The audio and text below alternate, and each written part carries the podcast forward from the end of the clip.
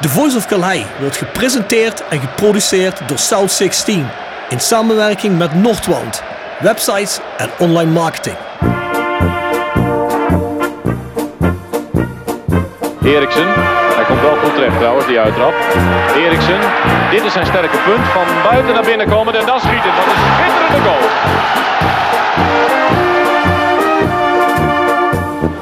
Hansen. Hansen nog steeds. En hij zit erin ook zeg, maar Rempel.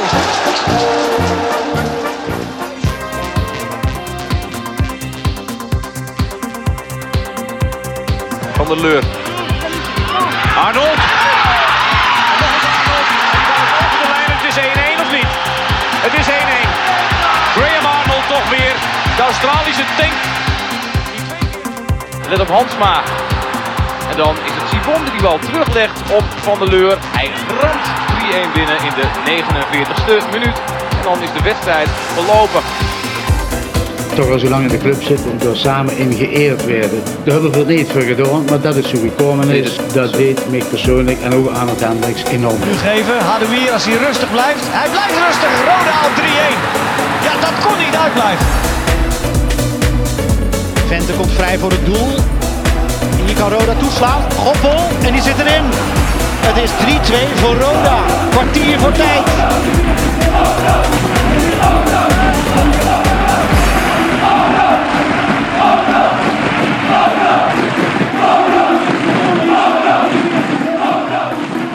Dit is René Trost en je luistert naar The Voice of Calais. Ja, goedenavond. Maurice Stelen. Goedenavond Rob. Aflevering 13. Ik hoop niet dat het een ongeluksgetal is, maar dat geloof ik niet. Dat we hebben al even met onze gast inleidend gepraat en we waren al bijna een half uur onderweg. Precies. Het was dan meteen gezellig, dus volgens mij is het eerder geluksgetal. Dit wordt een goeie. Ja, als ik al alles wat ik, wat ik net gehoord heb, als het dadelijk terugkomt, dan eh, wordt het een hele goeie. Ja, waar zitten we? Ja, we zitten weer hier bij, in de Bananensoeven, bij Marco. Ja, gezellig hè?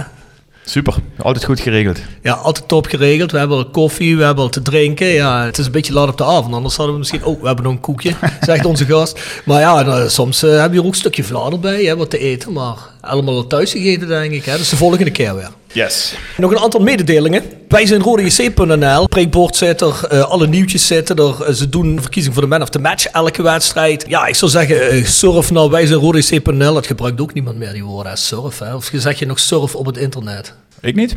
Dat Nee, zeg ik eigenlijk waar. Een beetje 90s, hè, surf, Ja, hè. precies, ja. Browsen, dat zeg je ook niet, hè. Geen idee. Moet je misschien, Check Google. Moet je misschien eens aan je kinderen vragen. precies, ja. Nou, ja. Dan is het Google.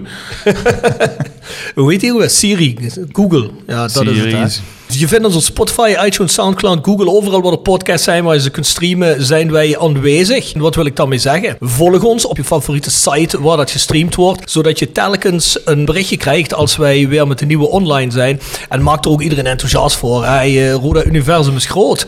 We interviewen een hele hoop mensen. We hebben vandaag alweer een goede ouder erbij zitten. Ja, dat mag je niet missen, dus maak mensen enthousiast ervoor als die hem nog niet kennen. We zitten met de Voice Code ook op petje.af, schuine streep naar voren de Voice of Calais. Dat zijn de nabesprekingen met Jasper Klute, Bart Eurlings. Ik zit erbij.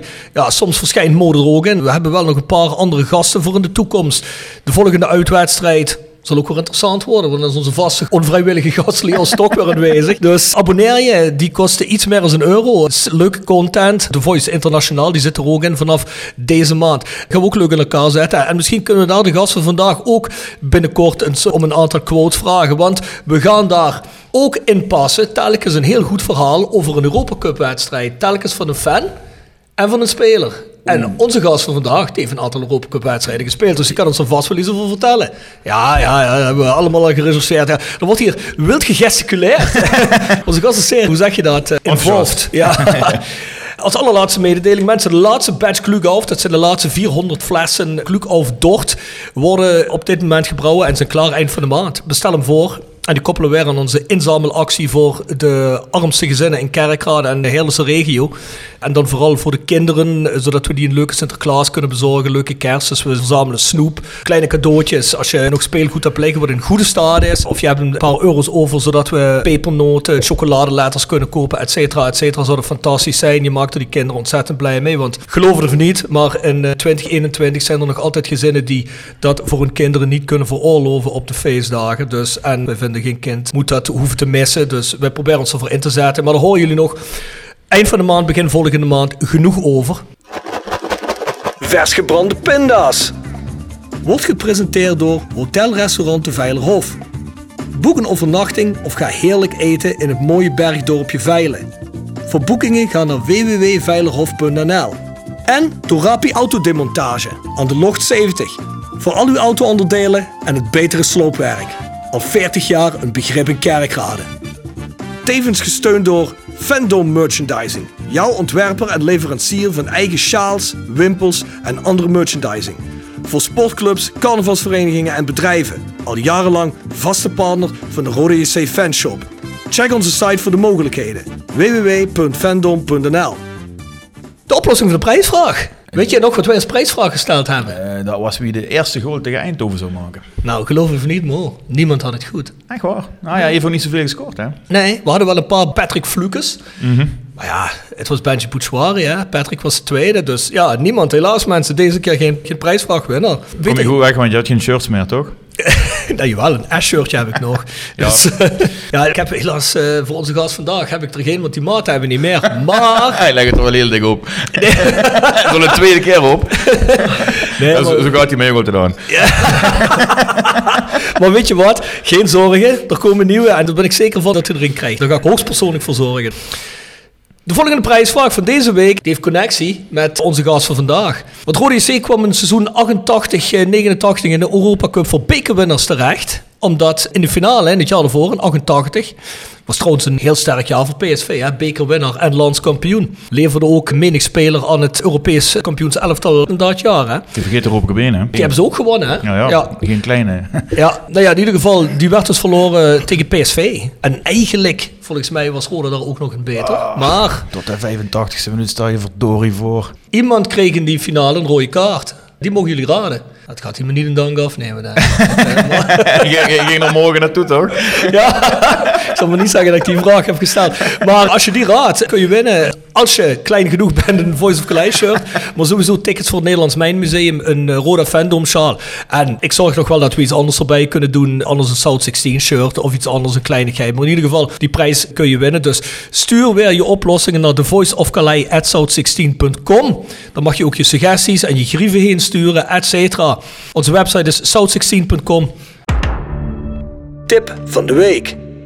Gepresenteerd door Jegers Advocaten. Ruist de Berenbroeklaan 12 in Heerlen. Hart voor weinig, nooit chagrijnig.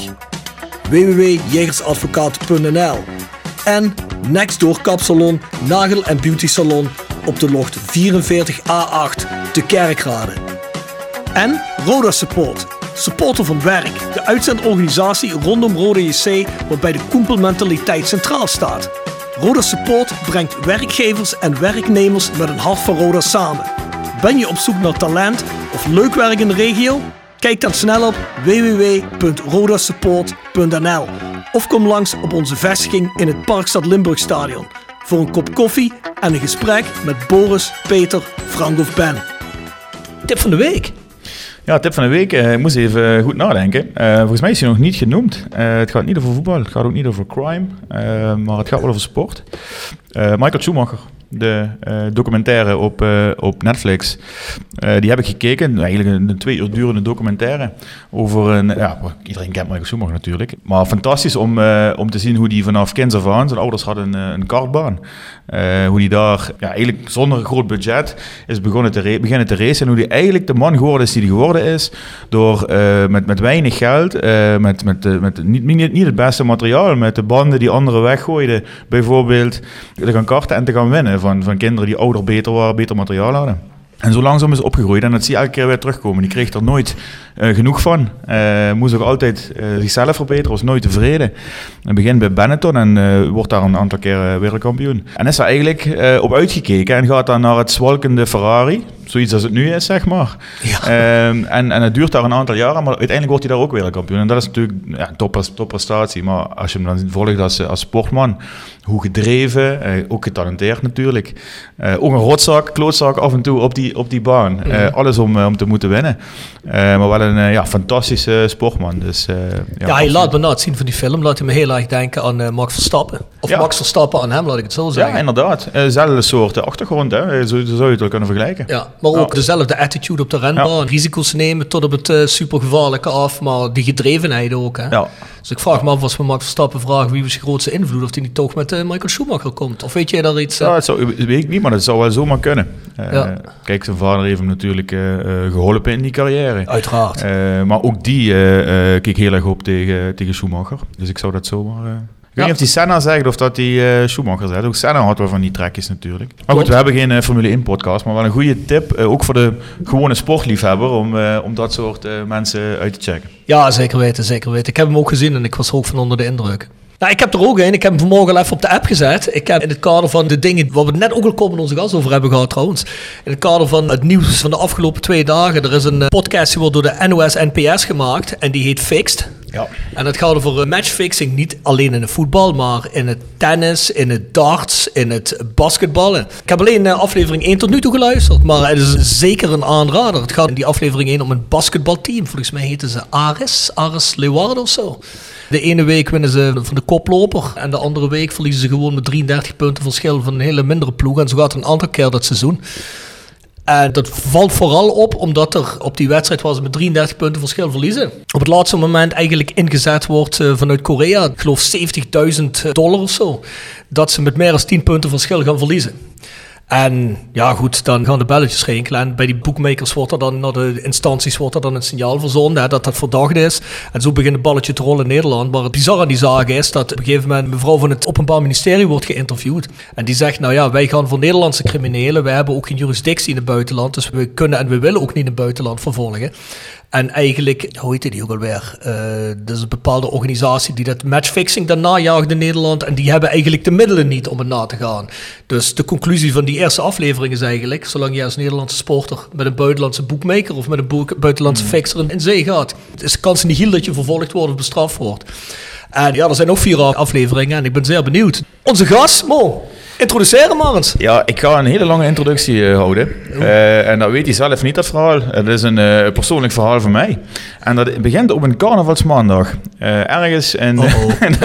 dus ik, ik zie hem nu, ik zie hem nu kijken. nee, maar het was in eh, eh, 1989, denk ik. Hoe oud was je toen, Eh, Mo? toen was ik 12. Eh, dus daar heb ik nog geen hele gekke dingen gedaan. Oh. Maar zoals ik net al zei, toen we hier net bij elkaar zaten, dat is, eh, ik, ben denk ik in, in, in 87 of zo, 88, eh, ben ik naar Rode beginnen te gaan met, eh, met mijn vader. Eh, en daar had je natuurlijk, eh, ja, die mannen dat waren allemaal helden eh, voor je. Ik zeg altijd, eh, die gasten die ken ik nu nog beter eh, als je de posters voor je hebt dan eh, de gasten van de afgelopen 20 jaar. Dat Zeker waren, dat weten. waren er heel veel, maar die hebben ook allemaal niet zo heel veel indruk gemaakt. Eh, maar dat team kende ik. En op carnavalsmaandag eh, ging de optocht opstellen in Blijerheide. Eh, en eh, ik ging met mijn vader uh, als morgens vroeg de kroegen langs. En, en daar... Je zei net dat het niks geks en was. Daar kom, en daar kom ik op in eh eh, sta, ik sta ik in een café en zie ik... Hé hey, pap, pap, dat is toch Pierre Bleller, of niet? Mijn vader, ja jongen, dat is toch Pierre Bleller. En ik was bescheiden, verlegen jongetje. Kun je je misschien niks meer voorstellen. Nou, niet niet even eroverheen om op de achterkant van het bierveldje een handtekening van Pierre Blettler eh, te gaan halen. Natuurlijk een jongen uit Kerkrade, die, die als voetballer heel veel indruk op mij als ventje had, had gemaakt. Eh, dus to- toen jij zei, ik zal Pierre Blettler interviewen, dacht ik, ja, dat is cool, dat gaan we doen. eh. Ja. Dus hier zit eh, Pierre Blettler. Welkom, Welkom, Pierre. Ja, welkom heren. Eh, mooi verhaal. Ik kan het mij helaas niet echt voor de geest halen. hè, een tijdje geleden. Je had er al een paar gedronken op dat moment, waarschijnlijk. Nou, s s'morgens met de optocht. Ik ben helemaal niet zo'n carnavalist. eh, maar ik kwam waarschijnlijk vroeger toch wel eens bij Café Muller. want daar gaat het waarschijnlijk om.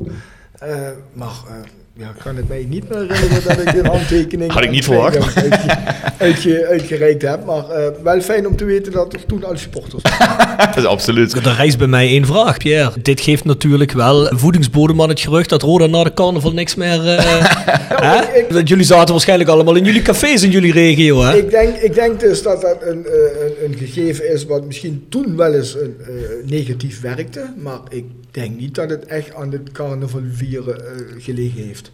Nou ja. Eh, want we hadden op een gegeven moment meer spelers van boven de rivieren dan van onder de rivieren. Ja, Dus eh, daar, daar leek het volgens mij niet aan. Nee. Ja, maar jullie waren toch de- het smeersel tussen de wielen, of niet? Als jullie niet in vorm waren, dan eh konden die Hollander er ook niks van, toch? Nee, nee, nee. Maar Oh. goed, de eerste jaar. Ik ben eh 85, 86 eh, begonnen daar op het eerste. Ja, er waren er toch nog wel een stuk of acht mensen uit, uit Parkstad, om het maar even zo te noemen. En dan pak ik nog even Suverein erbij en misschien alle handen van de Leur. Hè. Mhm. Eh, En, en Luipers uit, eh, uit die regio. Maar Smeetjes en zo. ja, kijk, eh, daar waren er toch genoeg uit het zuiden. Alleen werd het steeds minder. Hè. Men, men had ambities. Hè. Ja, goed. Ik weet niet of je dan automatisch ook anderen moet halen, maar goed. En volgens mij werd er wel op een gegeven moment heel erg veel van boven de rivieren. En Jan Reker, eh, om het maar even zo te zeggen, die had daar wel een handje aan. Er was gewoon een tweesplitsing in de bus. Als we uitwedstrijden hadden. Is dat zo? Ja, voor zaten gewoon de mensen boven de rivier en achter zaten de mensen gewoon uit, uit Parkstad. The bad boys in the back of the bus. Ik, ik geef, jullie mogen het noemen zoals je wil, maar ik heb het, ik heb het zo, Zo ervaren. En, en, en ik vond het gewoon... Ja, ik, eh, het werd ook wel een beetje door, eh, door, door Reker wel een beetje gepromoot, moet ik zeggen. Maar was er dan in de selectie ook echt een, een? Nee, dat, voetbaltechnisch niet, maar het werd... eh, nou, eh, eh, ja, ik weet niet. Jan Reker vond het altijd leuk als een speler zei dat hij een goede trainer was. Ja, ik vond het gewoon een mannetje die eigenlijk met een partijtje nooit mee kon doen. Want voetbal kon die vent helemaal niet. Ja, als hij in de midden stond, nou, stond hij gewoon een kwartier in. In een, vierkantje. Maar ja, die kon mij niks leren. Die had Willy van Keulen erbij. En eh, omdat hij dan wel een beetje kon passen en trappen. Ik, ik kon ook wel een trappen. Willy van de Keulen was niet de slechtste toch, hè? Nee, maar ik, ik kon ook nou wel. Ik denk dat ik ook links, met, eh, links en rechts opgeteld misschien nog wat beter was dan Willy. Want ik was wel een echte tweebenige man. Ja, ja, dat kan me nog wel herinneren. Ja, Ja, kijk, en dan, dan, tweebenig. ben je, dan ben je voor mij niet overtuigend als trainer als je eigenlijk zelf niet echt voetbal hebt. Dus jij was niet zo'n Jan Reker fan? Ik was, ik was zeer ziek. Ik heb mijn beste tijd gespeeld onder eh, Rob Baan. En toen kwam eh, Rob Jacobs. Jacobs, Jacobs. Jacobs ook. En ja, die had ook een hele andere soort humor. Eh, waar ik eh, goed mee kon, eh, waar het ook mee liep. Ja, dat- soms heb je gewoon een klik nodig met een manager of een, een trainer. klopt. En, en die had ik met Reken helemaal niet. Kom zo meteen nog op terug, Pierre. We gaan heel eventjes je carrière langs. Ja, we zullen hier en daar blijven staan bij een aantal dingen, want ik weet zeker dat je daar wel een verhaal over hebt. Hoe lang duurt die uitzending? Ja, een uur of drie. Dus eh, Totdat Marco ons hier eruit gooit. ja, inderdaad. Hey, maar je begint volgens mij als jongetje bij KVC Oranje. Hè? Ja. Ik heb eh, van... Je bent ook een jongen van Blijerheide, hè? Ik ben een, eh, van uh, Blijenheide, ja. Ik heb eh, vroeger eh, eerst acht jaar geturnd. Eh, toen ben ik met, eh, met 12 maar eens met een paar vrienden gaan voetballen bij KVC Oranje. Jij hebt vroeger geturnd. Ik heb vroeger geturnd, ja. Bij, eh, Dat bij kan, ik, dat kan ik me van Pierre zoals ik ken, die fan nou helemaal niet voorstellen. Bij de, de kracht door volharding, hè, Blijenheide. Ja? Dat was, eh, dat, eh, we hadden nog wel een paar Nederlandse kampioenen in het, eh, in het clubje. Alleen was ik eh, niet een, eh, een mannetje die ehm, eh, de ballen had om als daar een Jury van Gelder of die, die soort figuren rond te vliegen. Dus ik ben met 12 jaar gestopt. En toen ben ik bij KVC begonnen met een paar vrienden van school en vrienden gewoon. Mhm. Ja, dan begin je daar een beetje te ballen op de, op de C was dat toen. We hadden toen ook een heel leuk ehm schoolelftal wat Limburgs kampioen werd. Dus wij hadden gewoon ook een heel goed C-ploegje bij KFC Oranje. We werden kampioen, ja, en dan kom je van, eh, van het een op het ander ga je dan eh bij Roda gescout. En dan ga je op de B-jeugd ga je naar Roda. Dat is een beetje het eh, KVC-verhaal, ja. Ja, dan kom je bij Roda terecht. En dan ben je eigenlijk vijf en een half jaar. Van 85 tot de winter van 90, Ja, 91. ik hè? ben eh, eh, 1 januari 91 ben ik vertrokken naar Zwitserland. Ja, gaan we zo meteen nog even op terugkomen. Over die Zwitserse tijd. Maar je vertrok eigenlijk omdat... Ja, ze halen volgens mij Mario Been, hè? Ja, nee. Had dat er iets mee te maken? Of? Gedeeltelijk. Reker had een, eh, een, een, een- met, met alle recht die Reker dan had. eh, eh, ik kwam niet eigenlijk in zijn, patroon, in zijn spelbeeld eigenlijk voor. Eh, ik, ik, ik viel een beetje buiten de boot, eh, terwijl ik iedere keer wel hoorde, ik hoorde bij de beste elf. Maar het, het klikte gewoon wederzijds niet. En ehm, ja, op een gegeven moment eh, moet je een keuze maken van is dit nu wel waar ik hier nog eh, mee verder moet. Ik had een, een, jaar, een contract getekend voor drie jaar. En we waren anderhalf jaar verder of zoiets. En, eh, en toen kwam op een gegeven moment ja, het, een moment van een, een aanbieding uit Zwitserland. En ja, dan, ja, dan moet je gewoon maar ja en, en amen roepen en doen. Want ik wou eigenlijk niet meer onder reker spelen. En er was gewoon geen klik met die man. Ik, ik, ik vond het... ja, het, eh, niet mijn type, laat ik het zo zeggen. Kun je helemaal niet merken aan de laatste vijf minuten wat je vertelt. eh. Nee, eh, eh, nee maar, het eerste kijk, half uur. Maar, maar je moet het gewoon zo zien. Kijk, ik was gewoon jarenlang een, een, een middenvelder. Ik kon een paar wedstrijdjes scoren en ik kon eens een keer laatste man spelen. En, en op een gegeven moment ja, ga je buiten de boot vallen. Terwijl ik toch niet steeds het gevoel had dat alles wat gehaald werd ook beter was. Ja, vertel, vertel eens Pierre, wat was, je, wat was Pierre Bledler voor de luisteraars voor, een, voor een voetballer? Precies. Wat waren jouw kwaliteiten? Ja, Wat- wat- nou, ik was eh, zeker eentje met een, eh, een, een, een goed schot. Ik was zeker tweebenig. Ik was een, eh, ja, om het maar even modern te zeggen, een soort Wesley Snyder. eh, alleen een stukje eh, langzamer. Ik was niet zo'n hele snelle. Ik kon het wel weer lang volhouden. Ik, eh, ik was ook wel een moeilijk eh, te bespelen. ik, in, de, in, de, in de oefenpotjes op de training moest ik altijd zeggen, soeverein. Ja, dan heb je gewoon een klote dag. Maar uiteindelijk leer je er wel van. Hè. Soeverein was gewoon een, een topper in, in weerstand. Ik kwam je altijd tegen die man, altijd nooit opgeven. Ja, daar, daar, daar pak je goede dingen van op. Mm. En ja, als je, als je tegen mij moest, was het misschien ook soms wel kloten, ja. Maar ik, eh, ja, ik was een, een, een middenvelder hè, met een eindpaas en eh, ja, ik eh, werken. Iedereen werkte toen hard. Hm. Eh, dat zie ik tegenwoordig ook niet meer zo. Maar, Dat is het beeld wat ik van Pierre Bledler heb. Dat was Ja. een, een, Ja. een, een begaafde voetballer op het middenveld. Pierre, je zegt net, je kwam niet meer in de plannen van Reken voor, het klikte ook niet. ja. Had jij wel, als je nog weet dat bijvoorbeeld Reken gaat op het einde van het seizoen weg, had je dan wel gebleven en had je gezegd van ik wil eigenlijk bij Roda blijven. Dus kortom, had jij gewoon langer bij Roda willen blijven? Kijk, het is zo, als jij, eh, ik, ik noem maar gewoon een x-bedrag, als je bij Roda 1000 euro in de maand verdient en in Zangal kun je er 10.000 verdienen, dan denk ik dat je niet moeilijk hoeft te denken. Eh, Nee, ja, nee. Maar, maar het, het, het was zo dat eh, niet alleen maar het geld mij, mij trok, maar gewoon het feit van ik wil weg. Ik had het gezien, ik had het gehad met Reker. Eh, ik, kon, ik, ik, ik vind het nog steeds maar een, een, een klojo, laat ik maar even zo zeggen. Ja, maar stel die Reken was weg geweest, had je dan langer willen blijven? Kijk, dat ligt er natuurlijk een beetje aan wie er komt. Kijk, als Mhm. Rob Baan, hè, die kwam heel eerlijk naar me toe, Pierre, ik heb je bij dat tweede zien lopen. Ik zorg voor jou een jeugdcontractje. En als je niet speelt, dan heb je voor mij kansen genoeg gehad. Dan heb je het, dan heb je het of verdiend, of je hebt het zelf verprutst. Mhm. Eerste jaar, 29 wedstrijden gespeeld van de 32. Ik geloof ik had er 8 of 8 of 10 gemaakt. Ja, duidelijkheid. Maar bij Reker was het altijd maar... Ja, Eromheen ik, kon je niet meer praten met die man. Ik, ik tenminste niet. Mhm. En ik denk dat er best veel dat verhaal hebben met Reker. Hè. Als ik met, met, met, met, met, met, met René Hofman, die viel daar helemaal buiten. Dat zijn allemaal mannen die dan... Die, die- ja, dat waren toch mensen die wat konden voetballen. Mhm. Ja, Ja. ja René Hofman kan ook wel een balletje trappen, ja, daar heb je gelijk in. Ja. Dan ga je weg bij Roda. En St. Gallen betaalt voor jou een transfersom. Hey, mooie insteken. Ik hoor de geruchten, Pierre. Ja, ja, ik, ik, ja, ik heb jou net goed geïnformeerd, maar ik wil het wel even uitleggen. Ik bedoel, ik had een, eh, een contract getekend met een eh, transfersom van eh, dat ik 15% eh, recht had op 15% vergoeding van de transfersom die betaald zou worden. En nou ja, goed, uiteindelijk is er dus een deal gemaakt met Zangalle. En eh, dan komt dus op een gegeven moment eh Curver, Hans Curver toen nog. En eh, andere bestuursleden die kwamen toen eigenlijk met een mes op de keel zetten van luister, wij laten jou alleen maar weggaan als je afziet van jouw 15%. Nou, als je dus bij het Roda Stadion vijf kilometer verderop geboren bent, je hebt 0 euro gekost, je hebt al 4, 5 jaar werk verleverd voor de club en je gaat dan zo iemand het mes op de keel zetten om geld af te pakken, ja, dan heb je in mijn ogen als Roda wel verloren. Dus Ja, dat is niet netjes, nee. En dan was het dus en Reker en dit geldverhaal. Ik moet weg. Ja. Toen was het even klaar met Roda. Ja.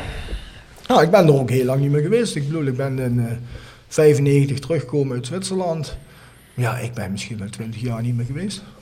Ja, er zit natuurlijk een stukje teleurstelling Ja, ja, eh, over dat, dat mislopen van geld. Maar ja, uiteindelijk, eh, er moet ook weer eens een, een einde komen aan eh, woede en, en boosheid. Hè. Het gaat ook gewoon verder weer. En dat is eigenlijk vooral gekomen dat we dan met die oude Roda-spelers eh, weer een beetje gingen voetballen. En dan, eh, ja, dan gaan we nog naar Roda kijken. En eh, ja, dan is dat op een Ja. moment over. Ja.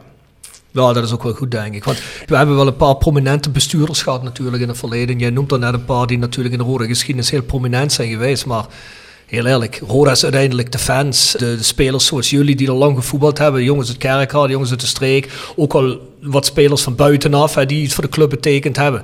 Dat is Roda, hè, dat eromheen. Dus wat, we hebben in de podcast wel eens spelers die ook zo'n frustratie hebben. Maar die realiseren zich gelukkig ook vaak. Kijk, die mensen die mij toen op tijd uh, klote behandeld hebben, dat is de club niet. Hè. Dat zijn ook maar voorbijgangers. Hè. Maar dat was wel het coole en het, eh, daar hadden we het net kort over. Hè. Als je dan ziet dat oud Roda, eh, en dat- en dat noemde ik de afgelopen keer in de, in de podcast. Daar, daar sta je dan te kijken hoe die, hoe die gasten aankomen. Ik zei, wie, raad eens wie het eerste komt. Nou, dat was Hanze.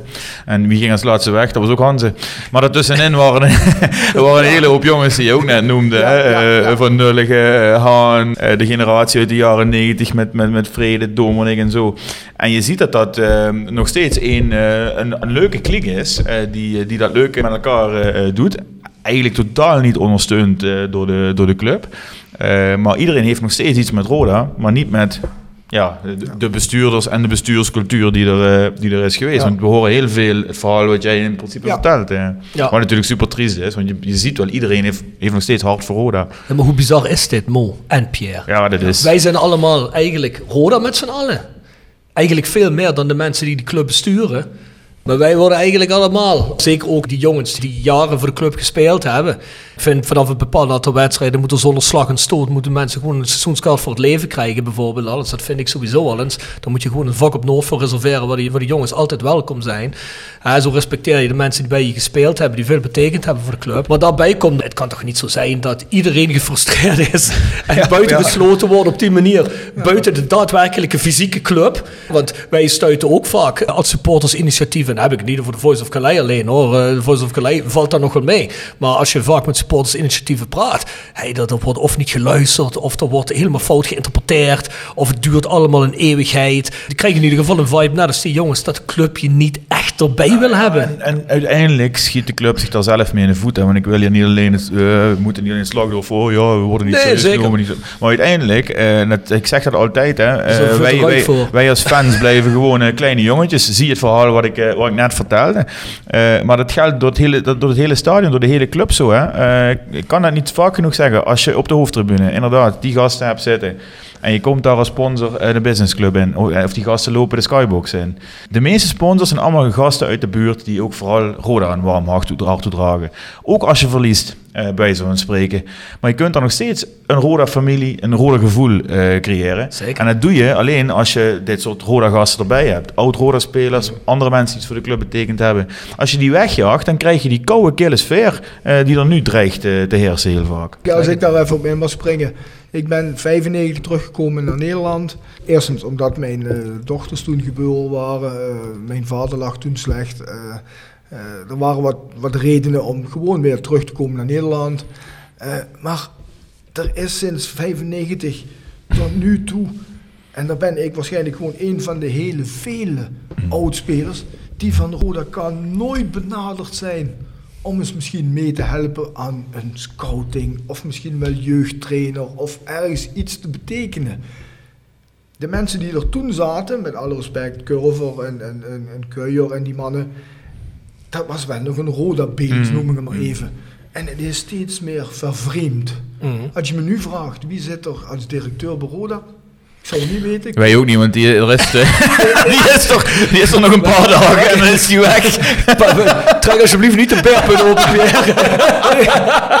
Nee, maar om even aan te geven van ja, kijk, het is allemaal vervreemd. En wat er natuurlijk de laatste twintig jaar gebeurd is, er zijn natuurlijk heel veel vrienden van vrienden gekomen, die Ja, dus ja. ook niks met Roda hadden. Er komt ooit eens een bericht naar buiten, nou dat werd met, met veel bombardie aan, we halen de jeugd op, de hoofdjeugdopleiding van PSV. Die meneer, geen idee, ik noem maar even meneer Jansen. Dan denk ik bij mezelf, wat kan meneer Jansen nu dan beter dan een meneer Hofman of een Diliberto die nog op de knip woont. Of die mensen die, die hebben ook allemaal diploma's. Wordt hij nog altijd op de knip? Ik, ik denk het, ik geef, Ah, zo. maar ik, nee, ik geef maar was bij mij achterom, dus ik denk, ik weet het gewoon niet. Maar, ik goed, weet ja. maar, maar gewoon het idee van, die man die, die moet toch ook met water koken en heeft geen, eh, geen, geen glaasbol waar talenten uitkomen. Dat is toch totaal overdreven om daar een man van, van Eindhoven te halen Terwijl er hier in de regio genoeg zijn met diploma's en, en misschien gezond verstand die dat kunnen invullen. Ja. Helaas. Ja, zeker weten, zeker weten. Nee, helemaal gelijk en helemaal gelijk. Hop, we zijn al bij St. Gallen. Wat zei jij? We zijn al bij St. Gallen. we zijn, we zijn al bij St. Gallen, ja, ja, ja. Maar daar gaan we nog niet helemaal op in. Je zit van eh, 91, 93 zit je bij St. Gallen. Daar gaan we zo meteen over praten. Daarna zit je een jaar in Zurich. Ja, twee jaar. Ik zit twee, Twee jaar, jaar? bij Zurich en dan laatste jaar ben ik uitgeleend naar FC Baden. FC Baden. Die kende ik wel niet. FC Baden was een soort eh, satellietclubje van Zurich, ook daar. Eh, ik ben door Koert Jara naar St. Gallen gehaald. Ik ben Oh, Jara is Jara- een bekende trainer, hè?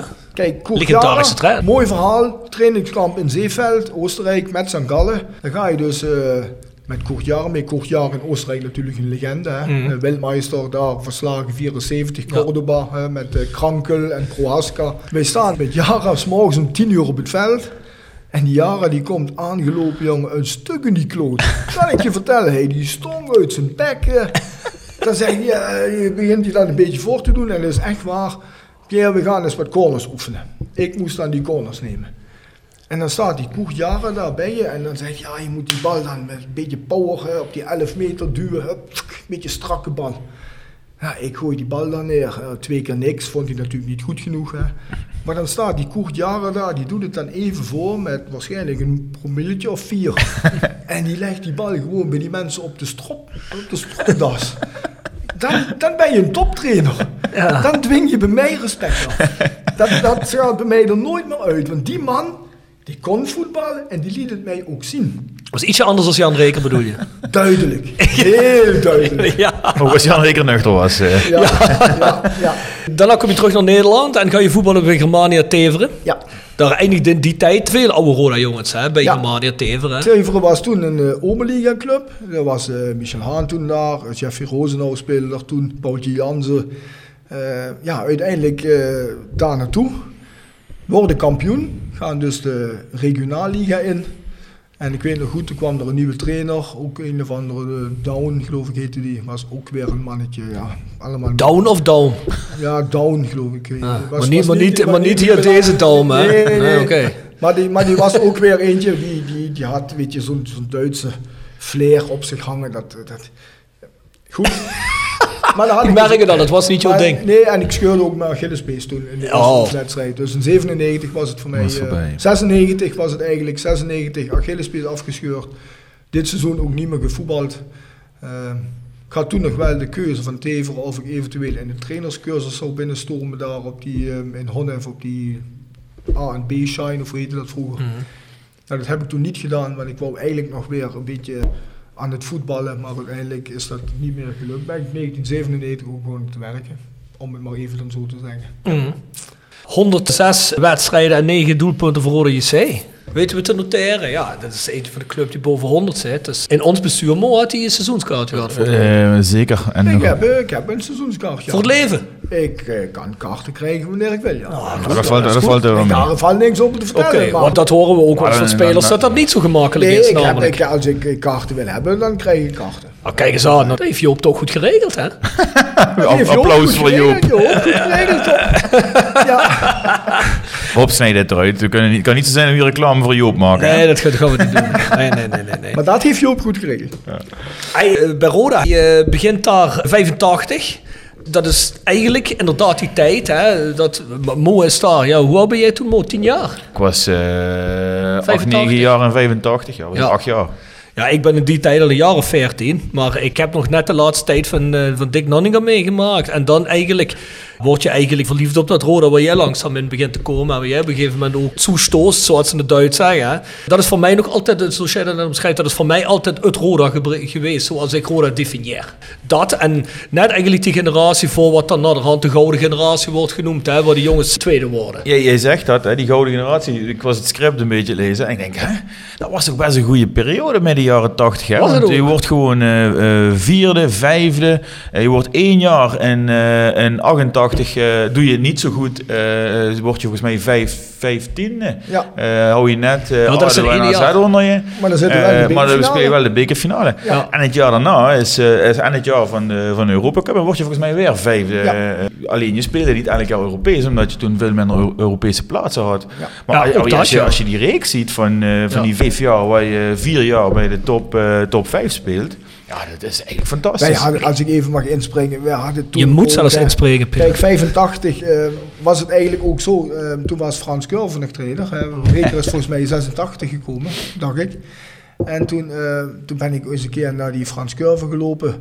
En ik zeg, ja, hé meneer, ik- eh, trainer, ik moet wel hier van de tweede wel even mee. Ik moet vooruit, hè. Ja, zegt hij, blet, bletterke, zei hij altijd, bletterke. Ah, ik heb eh, Van Geel en eh, Van de Ven en eh Gorter. Eh, ah, daar, daar past bletterke niet tussen. Ik zeg, ja, is goed. Dus ik, en dat is ook echt waar, ik ging toen naar, naar Leo Koch. Die was toen daar de, de man van Miranda. Mhm. En ik zeg, zie je, ik moet een baantje bij Miranda. En, ja, ook prima. Dus ik ging met de overschrijving ging ik toen naar Hens Curve toe. Ik zeg, hier, ik stop ermee, vul maar in. Want ja, ik krijg bij Frans Curve geen, eh, geen kans. En toen kwam het nieuws van Hens Curve, dat Frans Curve einde van het seizoen wegging. En toen was al Rob Baan aan het kijken bij die wedstrijden van de tweede. Ja. En zodoende had hij mij gezien en mij die kans gegeven. Alleen ja, kijk, ook, het zijn ook allemaal ja, figuurtjes, die Frans Curve, laten we eerlijk zijn. Ja. je, moet er, je moet er moet een klik mee hebben en eh, dat had ik eigenlijk ook niet. Dus Nee. eh, ik vind mezelf niet zo'n hele moeilijke, maar Maar jij bent wel geloof ik een man van de vibe. hè. Het moet goed klikken, het moet een goed gevoel zijn. Het is niet zo, dat kun je niet gemakkelijk nationaal leggen nee, kijk, het is ook zo dat, dat sommige trainers, die geven jou eigenlijk ook al- alleen maar een goed gevoel. Want voetbal kunnen ze jou helemaal niet leren. Mhm. Ik heb, ik, wat wil Jan Reken mij nu leren hoe een balletje moet hoog houden of moet pasen trappen? Als je zijn trainer vraagt, hoe heb je mensen beter gemaakt? Dan krijg je allemaal van die lulverhalen. Er wordt helemaal niemand beter. Dat is alleen maar puur op, op, op, op ja, gevoel. Hè? Henny Meijer schoot er 25 per seizoen in. Kon Henny Meijer voetballen? Nee. Die kon niet links trappen, die kon niet koppen, die kon, maar die schoot er wel 25 in, topspits. En dat een dikke voet. Ja, en hij had een dikke voet. Je wist, waar- wist waar je moet staan, eh, draaien maar, en maar, op. maar dat paste gewoon, snap je? En Ja. dat- soms heb je dat gewoon nodig. Die hadden vertrouwen. Die, wij Ja, gaven ja. die bal aan Henny en die duwde hem gewoon in. Eh, Een beetje Maurice Graaf. eh, Achtig, ja. Hey, maar Pierre, denk je niet dat dat alles is wat een trainer soms moet hebben in een elftal? Als je veel jongens hebt die goed kunnen voetballen, Ja. moet hij niet soms niet proberen jongens beter te willen maken, maar gewoon eigenlijk een goed gevoel verspreiden in een elftal, zodat die jongens gewoon lekker kunnen functioneren? Ja, Kijk, een een, team een, maken. een, een, een goede tactiek. Ja, kijk, als je weet dat je spelers zoals eh, ik toen, eh, Soeverein, wij waren ook niet te beroerd om eens een keer diep te lopen. Hè? Want dat was in onze tijd nog eigenlijk best wel iets speciaals voor middenvelder, hè? die er overheen gingen en, en ook weer terugkwamen. Mhm. Eh, maar ja, dat hoort allemaal een beetje bij de tactiek. Maar ja, laten we toch eerlijk zijn, als je toch kijkt naar, naar een potje van Roda en daar staat dan zo'n 5-4-1 systeempje. Daar word je er hartstikke ziek van. Ja, ik ben niet zo de grote tacticus, dus ik kan er weinig nee, over zeggen, ja, maar... Nee, maar het, kijk, het blijft altijd 11 tegen 11. En of ik dan nu met een 4-3-3 opstel tegen 4-4-2, het- 11 tegen 11. En ja, de betere ploeg, of misschien wel de ploeg die het meeste vecht, die gaat winnen. Zo simpel is het. Hmm. En wij hadden vroeger een ploegje die kon aardig voetballen, maar die kon ook nog wel even de mouwen opstropen. Ja. In het eerste jaar Ron Jans, ja, topvent. Hè, dat was een mannetje die, die, die kon voetballen, mouwen opstropen. Die schopte je godverdomme ook in de training ondersteboven. Ernie Brands, idem dito. Van zulke spelers leer je. Dan leer je je wapen, hoe moet je jezelf een beetje opstellen natuurlijk. Dat doet een trainer niet. Tenminste, Nee, nee. ik heb weinig trainers gehad voor waar ik de pet voor getrokken heb, behalve Koertjaren. Het zou ook slecht zijn als die trainers ook eronder begonnen te schoppen op de training. Hè? Dat zou niet goed zijn. Dat hè. was wel ook eh, bij het tweede jaar Gerards. Hè. Die- Ja. eh, dat was eigenlijk, ik denk als je al die spelers vraagt die hier gezeten hebben, wat van pet ze hadden van Jair Gerards, de- allemaal bevestigen. Is het niet raar dat hij nooit uh, is geworden? Geen idee. Die is heel vroeg toen vertrokken richting eh OFI. Ja, ja. Volgens mij is hij er 20 jaar geweest. Ja. En iedereen uit mijn tijd, eh, Marco Grassi, Paul Jansen, Jeffrey Roosendaal, Michel Haan, Frits Neugen, allemaal hebben ze Jair Gerards gehad. Een toptrainer. Maar die, die schoffelde eronder. Zes uur hè, trainen. En als je dus verloren had, zes uur trainen, partijtje, dan ging die zo lang door tot tien uur, half elf, tot die één goal voor stond en dan was het klaar. Het waren andere tijden, hè? Karakter, karakter kweken. Ja, Ja. dat kon Jack Gerards heel goed. Op later tijdstip hadden jullie ook nog een aantal van die harde jongens erbij. Waren wel meer uit het noorden. Maar zo'n Henk Vrezer, die kon er ook wat van, volgens mij. Hè? Ik moet zeggen, ik vind Henk Vrezer een van de, ik, ik noem maar even met alle respect, domste voetballers die we ooit gehad hebben. ik snap ook niet dat dat een toptrainer geworden is. Want ja, Henk Vrezer die kon wel een goed mannetje uitschakelen. Maar als je twee, drie keer rood per seizoen pakt, dan is het toch ook niet goed. Hè? Nee, ja, dat was ook een heet hoofd, geloof ik. Hè? Ja, eh, hij- hij- Maar ja, dat, dat, dat- als je dan, eh, dan kom ik terug op wat je net zei, dan heb je begnadigde voetballers eh, zoals jezelf en een aantal anderen, maar die ook kunnen werken. Maar dan, heb je, dan, dan kun je het ook accepteren als je zo'n gasten erbij hebt. Hè? Want het doet natuurlijk wel iets in de spirit van zo'n team, of niet? Als ik moet kiezen tussen Ernie Brands en Henk Vrezer, was het voor mij duidelijk. Ernie Brands, net zo gemeen, niet zo snel, eh, maar veel slimmer in handen. Ja, ja, ja, ja. Veel, veel meer uitstraling. En, en Henk was toen jong. Hè, en ja, twee, drie keer rood per seizoen. Ik weet niet of je dat ook maar zomaar kunt goed praten, laat ik het zo zeggen. Hij doet het blijkbaar als trainer goed. Ik vraag me dan af, ja, hoeveel kennis moet je dan als voetballer hebben hè, om een goede trainer te zijn? Ook vreemd. maar goed, Die, ja, die brand hier het hele trainerscherm af, joh. Godverdomme. ik, ik, ik spring nog even in. Hè. Eh, Noorder kocht jaren, voor de rest niemand. Twee jaar geleden stond een artikel in de krant. eh, René Hofman had zijn trainersdiploma laten verlopen. Omdat hij er helemaal klaar was dat hij ieder jaar moest bijscholen. Eén jaar voor René Hofman heb ik mijn diploma al richting Nieuwstad gestuurd. Gooi hem aan de prullenbak. Ik ben er ook klaar mee met die mooie trainersverhalen. Ik ging met de trainerscursus beginnen bij het CIOS. Jan Lauwers was daar eh, een van de leraren en Jos Olieslagers. Leraar technisch prima. Moeten de Zeestervisie uitdragen hè, in dat hele verhaal. We zitten daar met uh, Voort Oester, Marco van Hoogdaan erbij. Iedereen zat daar in die klas. Een paar amateurspelers erbij, omdat de groep te klein was. En dan begint Jan Reken te praten over... Ah, we moeten veel balbezit hebben en balcirculatie. Hele Zeestervisie uitdragen. Ik steek zo mijn hand op. Ja, Pierre, wat is er? Ik zeg, hey, ik, ik mis in dit verhaal mis ik iets. Succes. Ik zeg, hier, t- 500 meter verderop, drie keer wereldkampioen. Duitsland, nog nooit van de Zeestervisie gehoord. Is dit nog goed? Wat, oeh, ja, had hij natuurlijk wel zo'n nek, die meneer. Maar wij hebben een hele goed idee over voetbal, maar we hebben geen succes. Daar moet men misschien eens over gaan nadenken. Moeten wij in dit hele trainergebeuren iets gaan veranderen? Om op succes te komen. Iedereen verwacht dat Nederland gaat aanvallen. Moet dat dan wel? Moeten wij ons niet ook eens gewoon terugtrekken en met een robben en met snelle mensen op de counter gaan spelen?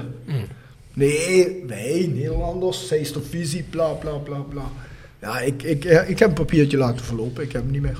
Ik ben er klaar mee.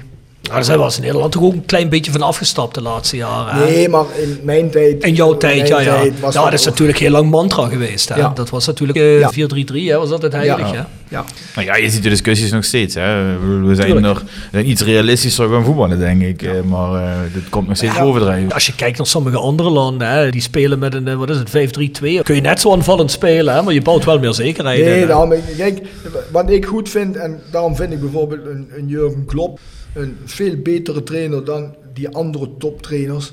Jurgen Klopp begon 10, 15 jaar geleden bij Dortmund met het countervoetbal.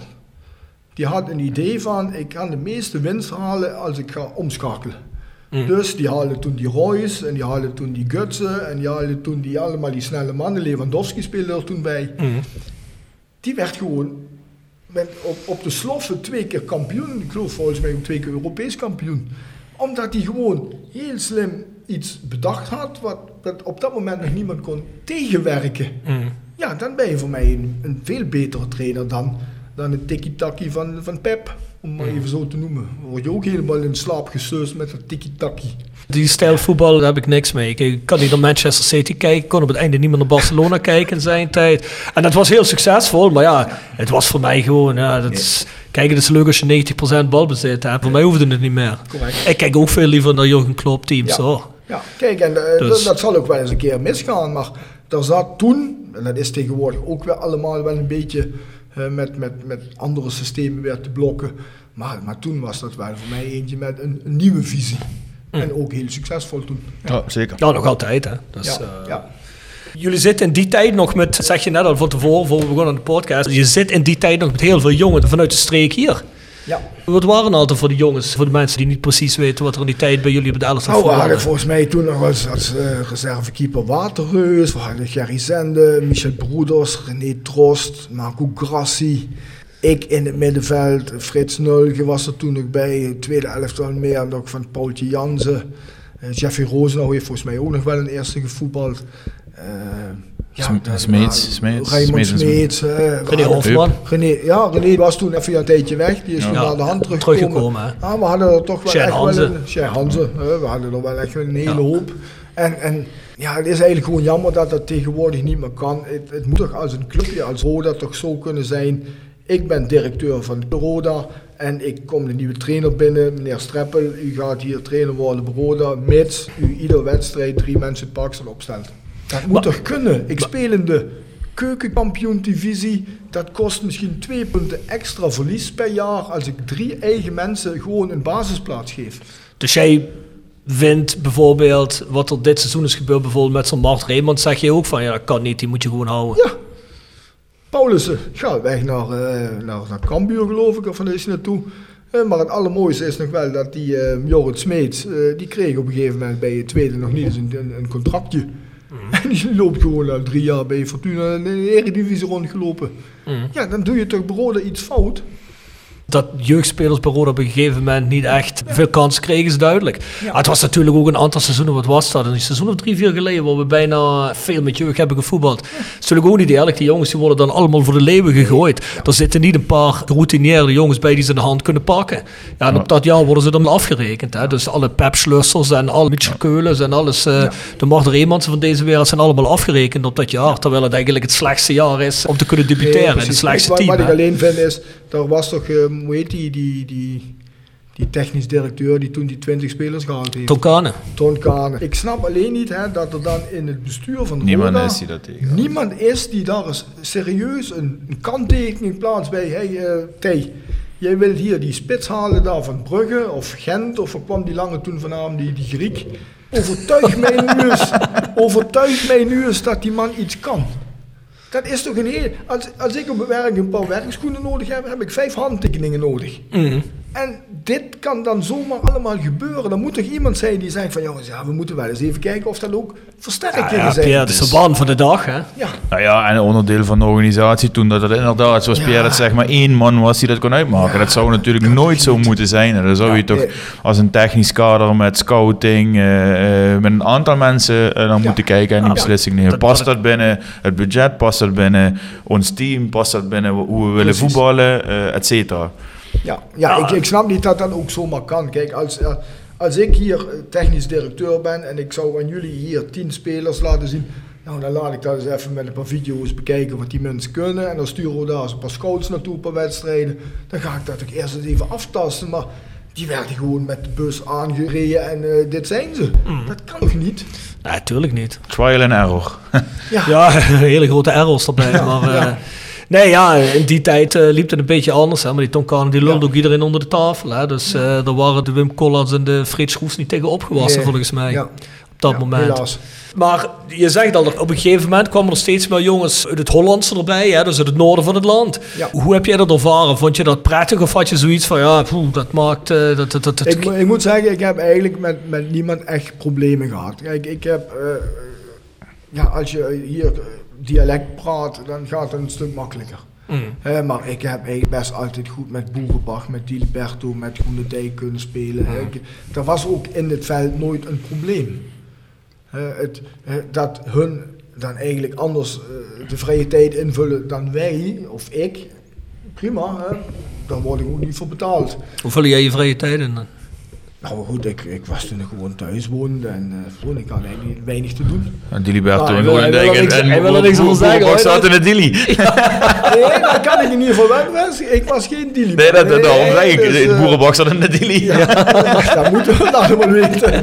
Dat moeten Nee, was je niet zo'n uitgaanstype, nee, ik? Ik ben daar niet zo'n, eh, ik ben daar volgens mij niet zo heel vaak geweest. Dus eh, nee. In de uitspattingen. Nee, ik was er niet. Ik was er niet. Ik kwam er bijna nooit. Nou ja, oké. En ik, ik heb met ze allemaal ook best goed kunnen voetballen hoor, zonder probleem. Ik heb ook met iedereen nog best goed contact, dus dat, daar is ook helemaal niks over te zeggen. Alleen had ik bijvoorbeeld met, met John van Loen minder contact dan met, eh, met, met Michel Boerenbach. Want eh, Michel Boerenbach deden wij nog wel eens een, een, eh, een, een trapoefeningetje om even te bepalen wie de betere was. Nou, het meteen al in, hè, dat duidelijk. Ja. Wij begonnen dan met 11 meters en zo gingen we steeds verder weg. En dan eh hij keeper en ik scoren, schiet. Ja, eh, voor mij zijn dat dan nu nog bepaalde overwinningjes waar ik niks voor kan kopen. Maar wel fijn is om te weten dat ik gewoon heb van Boerenbach. ja, ja, ja. Maar is wat je zegt, je hebt wel nog steeds contact met jongens uit die tijd. Ja, dat is eigenlijk ook een beetje voetbal eigen. Het verwatert heel snel. Iedereen gaat natuurlijk een andere kant op. Sommigen stappen uit het voetballen. Hè, en, en, en wat ik dan leuk vind aan dat oude Roda, die wedstrijdjes, daar komen ze weer tegen. Hè, ik weet, eh, ja, iedereen heeft een eigen baantje. iedereen is het werk, familie. Eh, en dit zijn dan de momenten die ik dan zo als Kerkrade West, die wedstrijd, toen gewoon hartstikke leuk vind. Ja. Dan kom je ze tegen nog eens. En dan wordt er altijd wel gepraat en gelachen en gedaan. En dan blijf je dan wel een Ja. avond even hangen. Ja, of ben je dan ja. ook meteen weg? Nee, ik heb op, die, op die dag ben ik eigenlijk, eh, was ik vrij vertrokken. Ik heb alleen de eerste helft gespeeld. De tweede helft moest ik eigenlijk eh, weg. Daarom heb ik hem niet gezien in eerste instantie. Nee, ik ben de tweede helft ben ik, was, ik, was ik vroeg weg, maar ik ben eigenlijk gewoon altijd erbij. Dus, eh, Ja, En dat is ook altijd best goed geregeld. Eh, niet omdat ik daar voor de derde helft, want daar ben ik ook niet voor. Maar ik vind gewoon de kleedkamerhumor vind ik gewoon leuk. Ah, leuk. Hey, maar voordat we verder gaan, ik vind dat we een rubriek moeten doen met Pierre. Dat denk ik ook, ja. Jonas Jo wordt gepresenteerd door RodaJC.goals. Het Instagram-account voor je dagelijkse portie Roda-content. Iedere dag een doelpunt uit onze rijke historie. Van Aruna Kone tot Shane Hanze. Van Bob Peters tot Dick Nanninga. Volg RodaJC.goals op Instagram. Nog geen zonnepanelen op uw dak? Bij Marimi Groep in Kerkrade en Heerlen bent u op het juiste adres voor duurzaam advies. Bespaar direct op uw energienota met een hoogwaardig zonnesysteem van Marimi Groep. Marimi Groep werkt uitsluitend met hoogwaardige zonnesystemen die voldoen aan alle eisen van de grootste keurmerken in de solarbranche. Kijk op marimi-groep.nl en maak een vrijblijvende afspraak voor professioneel advies op maat. Van advies tot montage, alles in eigen huis. Persoonlijk contact staat bij ons op nummer 1. Marimi Groep, als kwaliteit uw keuze bepaalt. Tevens gesteund door Metaalgieterij van Gilst. Sinds 1948 uw plek voor gietwerk in brons. Van brons, van Gilst. Jolis Jool. Jolis Jool, zeker. Jolis Jool is onze rubriek waar we onze gast vragen naar de meest memorabele Roda-goal. Dat mag iets van jezelf zijn, dat mag ook van een ander zijn. Maar wat is je meest memorabele Roda-goal? Heb je er een? Roda Fortuna 1-0, Kopbal Bledler. Oeh, alleen al het feit dat het tegen Fortuna was, dat doet man. Ja, moet, je, moet je eens kijken, dat, zo snel is het nog ja, fantastisch, inderdaad. Die, die moet ik wel gaan, eh, moeten we gaan checken natuurlijk. Mijn eerste goal in de Eredivisie, ja. Oh, dat was je Oh, eerste in de in Eredivisie. Eerste divisie, ja. Ah, dat is hij toch zeker Eigenlijk de eerste wedstrijd ook, hè. Was dat volgens mij toen thuiswedstrijd tegen Fortuna. Ja, Roda Fortuna 1-0. In Ja. 85 dan of zo is dat geweest. 85, 86 volgens mij dat ja, seizoen. ja, Ja, ja. ja. 85, 86. ja. Ik moet zeggen, ik was net ehm, eh, vanmiddag had ik even tijd gaan kijken op YouTube eh, om iets eh, over Pierre te vinden. En dan kom je interviews tegen van acht jaar geleden. En Ja, ja. op doelpunt van de week. En gepresenteerd door Ruud Gullit. je kent hem al, hè? Ja, maar niet de mooiste. Het was niet de mooiste, maar het was toch wel heel erg gaaf. 2-1 tegen Den Bosch. Tegen Den Bosch. eh, eh, fantastische, fantastisch schot. check die ook maar. Ja, ja, dat zal ik zeker doen. Ik heb net met Pierre een paar goaltjes van hem gekeken bij San Gallen. oh, is dat? Ja, Er zitten er ook een paar pareltjes Ja, bij. ik, hey, eh. ik denk dat eens even op Facebook moet uploaden. Hè? Dan krijg Ja, ik volgers. doe dat. Moet je zeker doen. Ja, een Je moet- famous one minute van mij, ja. Ja, ja, ja. ja, ja. Ah, dat die er nog niet is dan. Ja, ik ben niet zo goed met dat knippen plakken van die, van die Ja, beelden ja. allemaal. Dat is allemaal... Pierre, je hebt geen idee hoeveel enthousiaste rode mensen er zijn die dat zo moeten voor jou doen. eh, Ja, hoe heet ja, die? ik eh, hou Ivo mij Kouzes aan de werk zetten. Zie ik je, hou mij aanbevolen voor mensen die wat video's willen knippen, plakken, graag even melden. Ivo Kous bij deze. Graag een eh, one minute of fame van Pierre eh, maken. Ja, ik, ik zal zo meteen contact van Ivo Kous eh, aan Pierre doorsturen. En die kunnen we wel met elkaar uitvogelen, denk Ja. ik. Die is heel video-enthousiast met alles wat ook maar iets met rode te Ah, maken heeft. Dus dat Een komt goed. fantastisch archief, dus... eh, Ja, eh, gigantisch archief. Dat is perfect. Dat komt helemaal goed, denk ik. We hebben het net al kort in de prijsvraag gehad erover. In 88 speel je bekerfinale tegen PSV. Ik kan me dat nog herinneren. was je daarop? Je Nee, ik was niet daar. Ik heb het op tv gezien. Ik kan me nog herinneren dat op het laatste Volgens mij stonden die supporters overal om het veld heen, of niet? Eh, wat ik mij nog Kan zo dat? vaak kan herinneren is dat wij eh 2-1 voorkomen door Raymond Smeets. Dat er vijf minuten voor tijd eh, Erik uh, Gerrits daar aan de rechterkant met een soort puntertje in de lange hoek een 2-2 uit Ja, het vuur precies. sleept. Nou, dan beginnen we dus aan 3-2 en de, aan de, twee, en de, de, de verlenging. Ja, en dan maakt Søren Lerby Ja, maakt daar eh, 3-2 van. Ja. En, en toen was het eigenlijk volgens mij ook heel snel voorbij. Want Ja. ja, ja goed, we konden niet meer bijbenen. Alleen was natuurlijk wel het fijne dat wij toen ehm 14, 15 in de competitie waren geëindigd, maar toch Europees voetbal hadden. En dat was natuurlijk dan wel het, eh, ja, ondanks de nederlaag, voor mij eigenlijk toch wel een hoogtepunt in mijn carrière. Ja, zeker. Omdat we toen dan eh, Europees eh, gingen spelen. Mhm. Ja, maar ik kan me nog herinneren dat ik dat heel frustrerend vond. Zeker over die laatste paar minuten toen. Ja. En als Roda was je eigenlijk, tenminste in mijn leven, dat Roda in mijn leven was, eigenlijk nog nooit zo'n succes meegemaakt. Dat je een bekerfinale haalt. Nee, ja, een, een, een finale tegen PSV die Ja. het natuurlijk supergoed deden. en daar superieure stond, en stonden wij Europa. voor. Ik was een ventje van tien die thuis, die ik best kan me herinneren, want Roda kwam bijna nooit op tv. Hè. Laat staan dat je live op tv kwam. En dan eh, ja, was een, eh, was een kraker. En Kijk, dat was de nog, grote eh, teleurstelling. Ik weet wel nog even terug te komen op de halve finale. Ik weet niet of jullie daar nog uitslag van weten. VVV. VVV Ook thuis. hè, En toen was eh, Jan Reker 3-1 na verlenging. nog bij VVV. Dus die pak ik er maar even terug. Dan hou ik nog een balletje op de lijn. Kan je dat nog herinneren? Oh, dat De weet ik niet. situatie nee, nee, nee. dan gaan we maar eens even in de analen van de, jouw collega zoeken. Eh daar is een situatie waar een scrimmage is voor ons doel. Waar ik de bal eigenlijk, eh, mijn voet tegen de paal in het netje duw. En daar ligt de bal voor. Henk, eh, eh, een paar spelers over mij heen. En de scheidsrechter weet niet of die erin is. Want er waren natuurlijk nog geen camera's. Er was Ja, ja, ja, dat is wel een En heel, heel. Precies, Ja, en ja, toen ja, is ja, ja, ja. geen doelpunt gegeven. Het was ook geen doelpunt. Voor mij was hij er ook niet helemaal overheen. Maar eh, dat vond ik wel leuk. Achteraf is ooit, ah, die, heb ik die nog even gepakt, die reken. ja, Ja, die frustraties zijn diep, merk ja ik. die, zit- zit heel diep in die. Ja. Oh, ja, Ja, maar... dat was een spannende wedstrijd. Die, daar ben ik al geweest. Ja. Dus, eh, bij de halve finale. Ja, moet je maar Ja, dat ben ik- verlenging. Daar ben ik ook geweest, maar Ja. ik kan het me niet meer herinneren. Ik bedoel, ik kan me die, die Nee, details nee, niet meer herinneren. Nee, Nee. dat- Maar ja, het bekerfinale, nee, fantastisch. Ja, jullie spelen eigenlijk het seizoen erop dan Europa Cup. Wat is de eerste Europa Cup wedstrijd voor jou? De eerste Europacup-wedstrijd was... eh, Of was dat niet al eerder al? Dat is Guimarães. Victoria Gimares. Ja. Uit 0-0 en thuis winnen we Eh, 1-0. Of één- volgens nee. mij eerst uit 0-0. Eerst uit. eh, we hebben verloren met 1-0. Thuis 2-0 gewonnen. Ah, Gal-. Galkov, of, ja, Galkov was 1-0 en 0-0. Ah, was oké, uit dan was 0-0 dat en- 1-0 Ja. verloren. Ja. En dan, dan hebben we Ja. in ieder geval eh, een ronde verder. Toen kregen we Kharkov.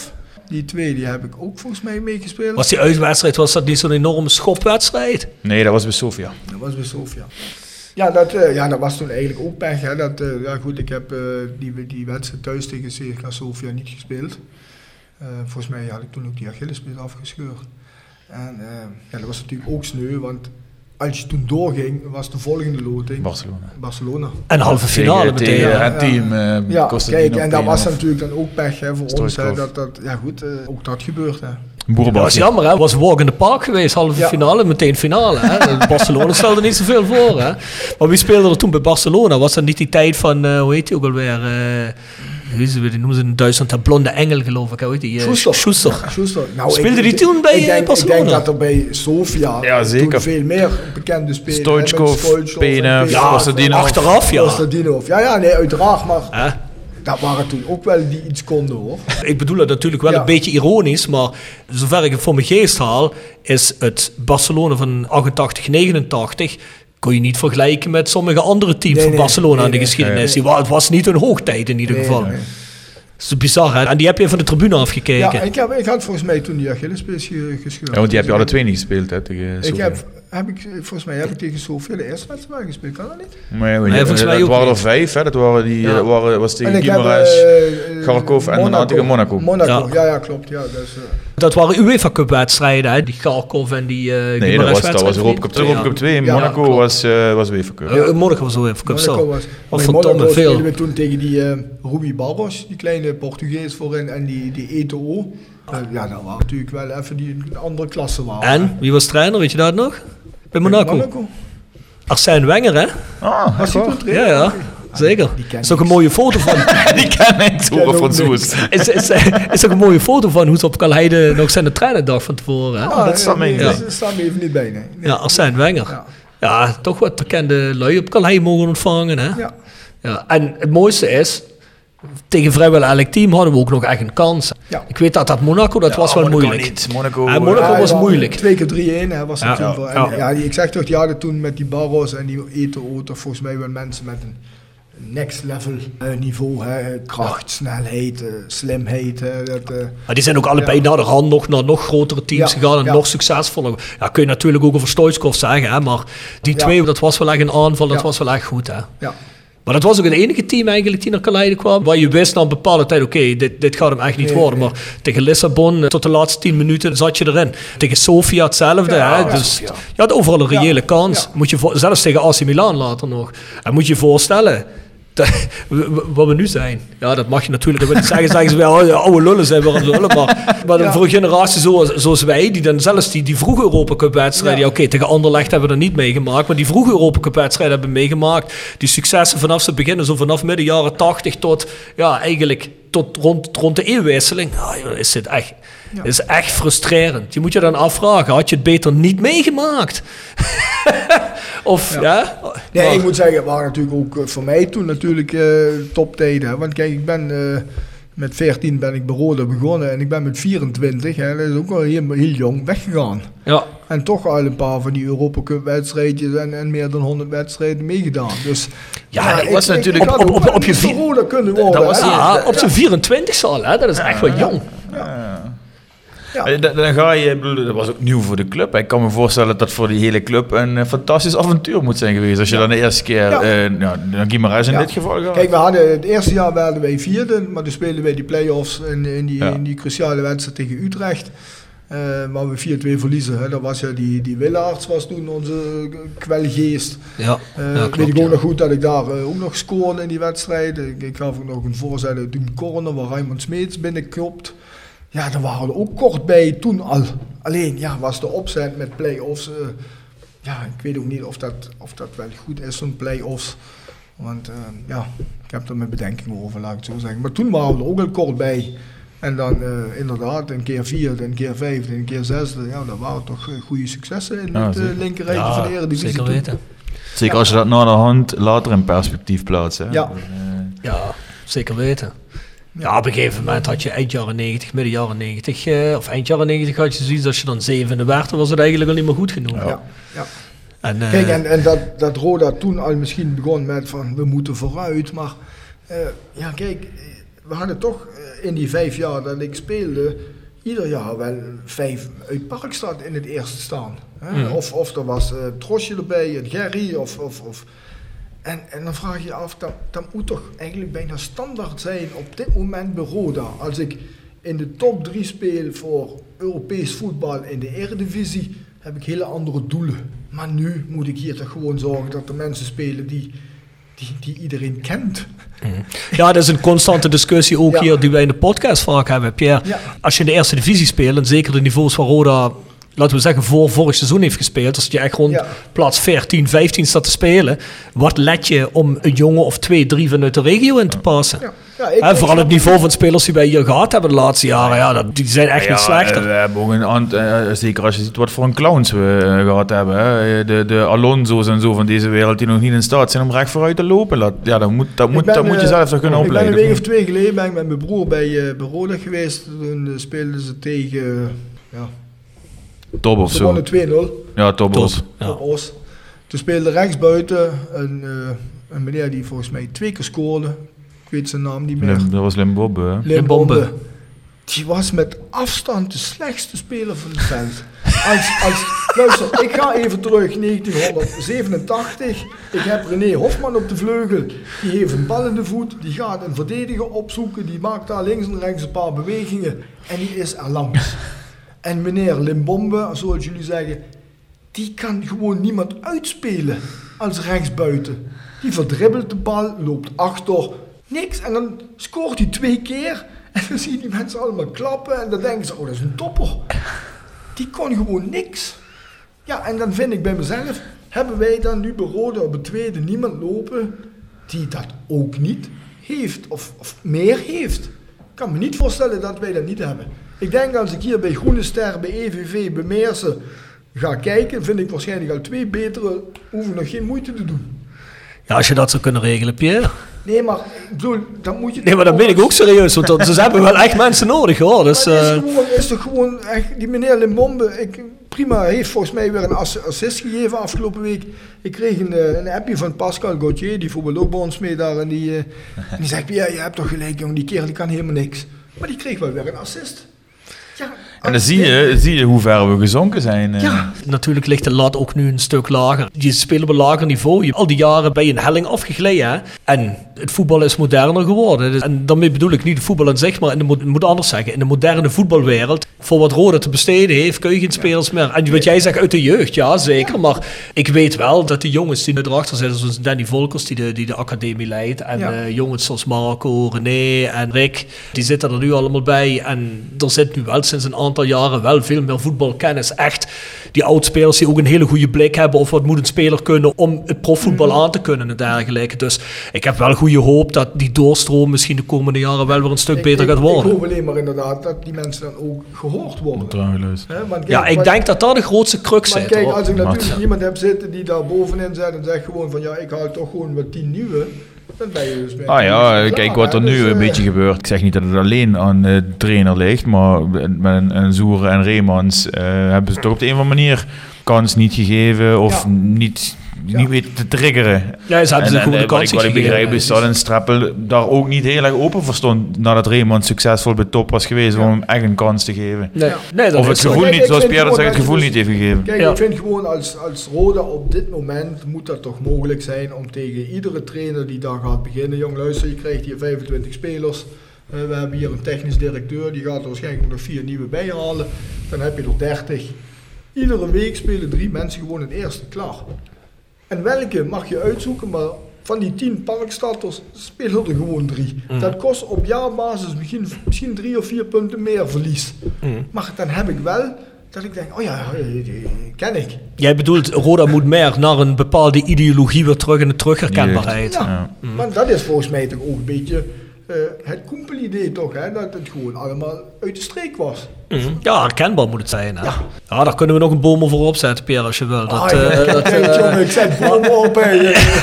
Riet over dit thema, jullie zijn vast allebei bekend met de club Atletico de Bilbao. Ja, Ja, nou, die zitten uh, daarboven in Baskeland. ja. Weet je wat hun ideologie ja is? alleen hè? maar Basken. Maar daar Alleen zijn ze natuurlijk Basken. ook eens van afgestapt. Ja, ze, er speelt nu volgens mij misschien één andere speler, maar daar hebben we het over één speler van de elf. Hè. Keihard hebben die gezegd, als je niet Bask bent, Ja. speel je niet bij Atletico de Bilbao. Ja, ja. En dan heb je dus een terugherkenbaarheid. En Atletico de Bilbao, om Gottes willen, dat is bij lange na niet de onsuccesvolste club in Spanje hoor. Dat is gewoon een subtopper. Die ook Maar- wel eens een beker winnen, die ook in de Europa Cup spelen. Heel lang altijd gewoon meedraaien. Ja. Dus dat Ja. is blijkbaar wel mogelijk. Dat bedoel ik te zeggen. Juist. Ja, dus en ja, het is, over dit thema kunnen we volgens mij 15 uur praten en er nog niet uit zijn en gefrustreerd zijn. Nee, want precies. ik vind namelijk niet alleen dat je hebt het nu puur over de spelers en op het veld, maar er zijn ook zoveel dingen die je als Roda waar je gewoon veel meer geïntegreerd kunt zijn in de regio. Roda zegt nu, en we moeten er niet te lang over doorgaan, want wij hebben het er vaak over in de podcast. maar ik wil nog heel even iets over zeggen, want ik heb vanmiddag wel met iemand erover gehad. Kijk, Roda zegt nu altijd, het moet uit de regio komen. We willen dat de regio draagkracht toont.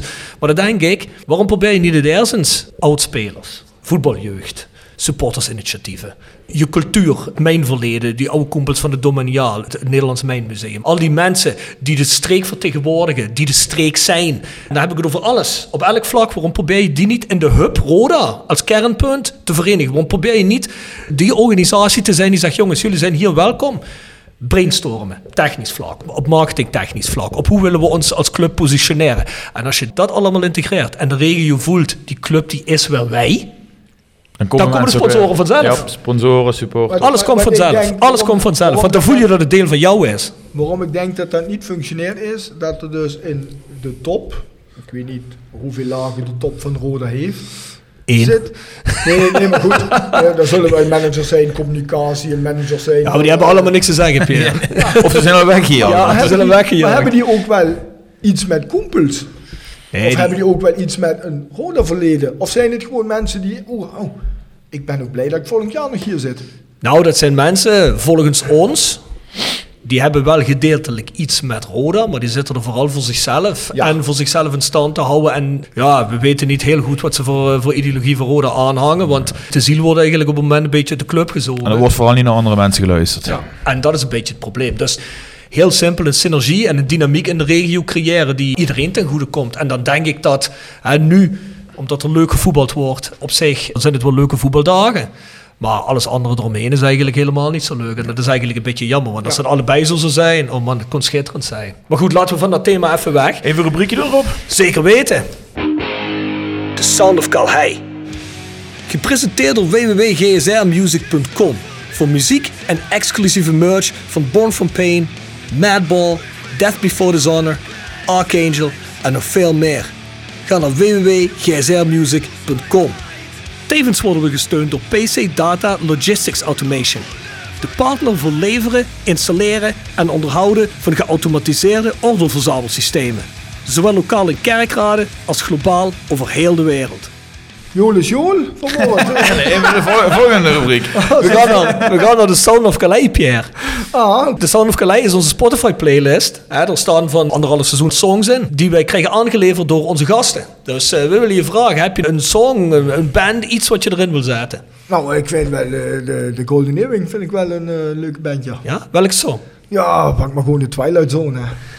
De- Prima. Hey, ik- ik wil- Ja, zeg maar, wij voorbereid hè. Nee, voorop Ja, niet toe-. Voorop niet hoeven knippen, dit. Gewoon op in één keer Dit, is schitterend. Ja. Heb je echt voorbereid? Nee, helemaal niet. Ja, kijk.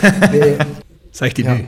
Nee, ik heb Ze zijn gestopt, hè, de, de Nee. Golden Earring. Nee, Golden Earring, ook dat weet ik niet. Ik ben geen muziekfan, maar ik, ik, ik vond de Golden Earring met, met, met Wader Love, met Twilight Zone. En, Ah, het zijn eh, goede songs. goeie- Zeker. Goeie, goeie oude tijd.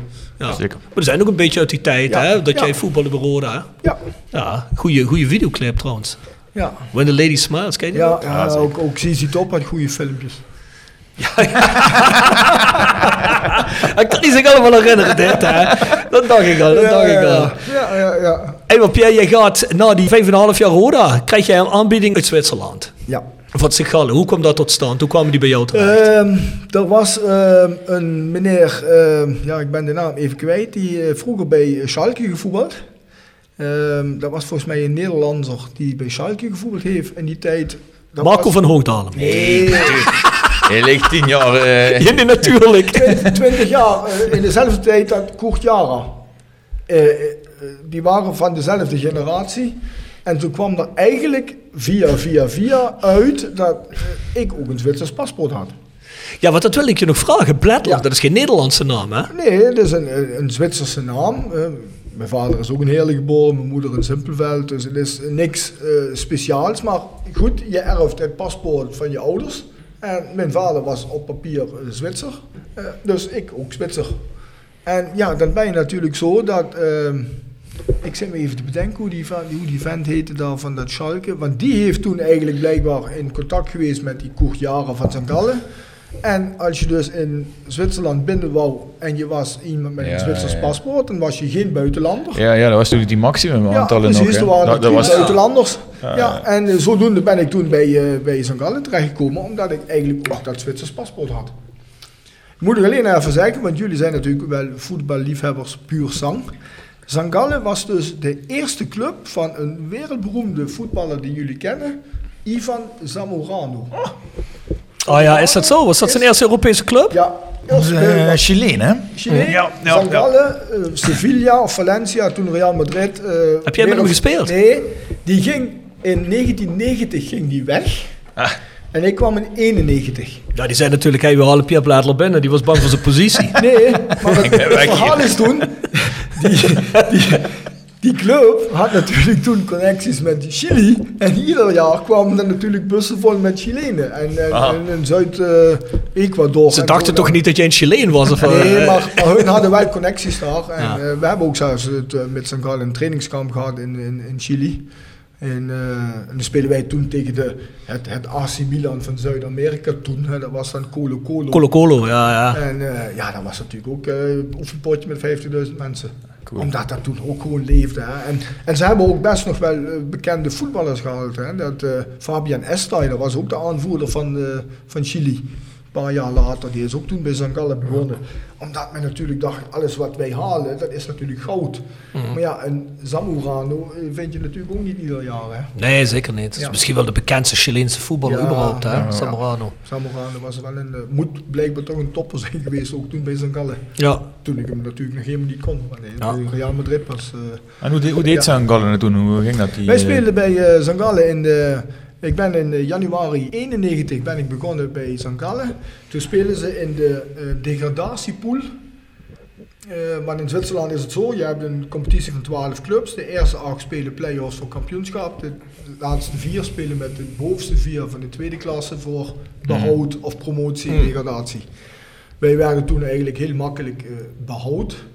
En het jaar daarna begonnen wij dus met vier wedstrijden, vier keer verloren. Nou, dat was een goed jaar al meteen discutabel zoals het dan gaat. En die vijfde wedstrijd eh, heb ik jou net laten zien, dat, eh, dat lopje. Dat was toen de 1-0 overwinning tegen Wettingen. Ja, en dan krijg je op een gegeven moment dat ook iets begint te lopen. Dan wordt Zangalle dus gewoon zesde. Hè, klein clubje, we werden zesde. Nou, we konden niet meer degraderen. Toen kwam de trainingskamp in Chili, 5 kilo bijgekomen. Hè? 14, 14 dagen in Chili, 5 kilo bijgekomen. Alleen maar van die, van die, van die rundsteaks gegeten. Steaks eten, pokeren, we zaten alleen maar in het zwembad.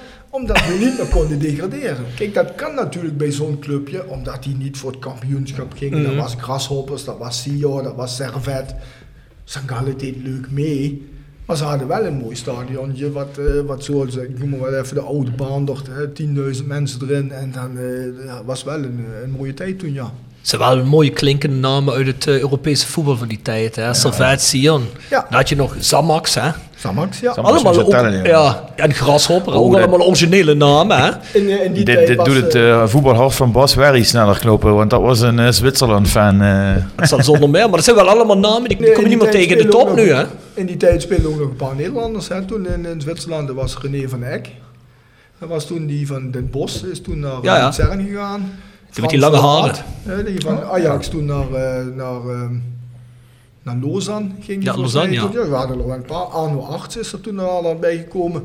Wij zijn volgens mij nog een Nederlander na mij naar richting... eh, volgens mij eentje van Roda zelfs nog. Dat moeten jullie weten, naar, naar Zangalle gegaan, niet? Nou, ik heb geen idee. René van der Gijp heeft ook bij Zamax gespeeld een jaar, hè? Dat was voor mij, ja. Nee, die was bij Servet volgens mij. Nee, bij Zamax. Weet je zeker? Of Zamax en Servet, dat kan ook. Ja. Ja, maar Zamax, dat heeft toch maar een aantal jaar goed gepresteerd. Er zat iemand met veel geld volgens Die mij, zit er volgens mij nog steeds. Die, van, die man gaat gewoon niet kapot. Die, heeft, die, die gooit ieder jaar de trainer volgens mij drie keer eruit. Maar dat zijn, Die- dat zijn allemaal clubs uit dat, Ja. uit dat, uit dat Franse gedeelte. Ja, Lausanne, ja, Servet, hè? Zamax, Neuchâtel. Sion. Ja. Ja, Ja, en, en de laatste jaren doet het. Er is een tijd geweest dat Basel het goed deed. ja. Hè, dat was, vroeger was het eigenlijk alleen maar grashoppers met, met, met, met Sion. Toen was het eigenlijk alleen maar nog grashoppers en dat is een beetje verschoven naar Basel. En de laatste jaren is het vooral Young Boys die het uh, Ja, hè? doen. Ja. ja.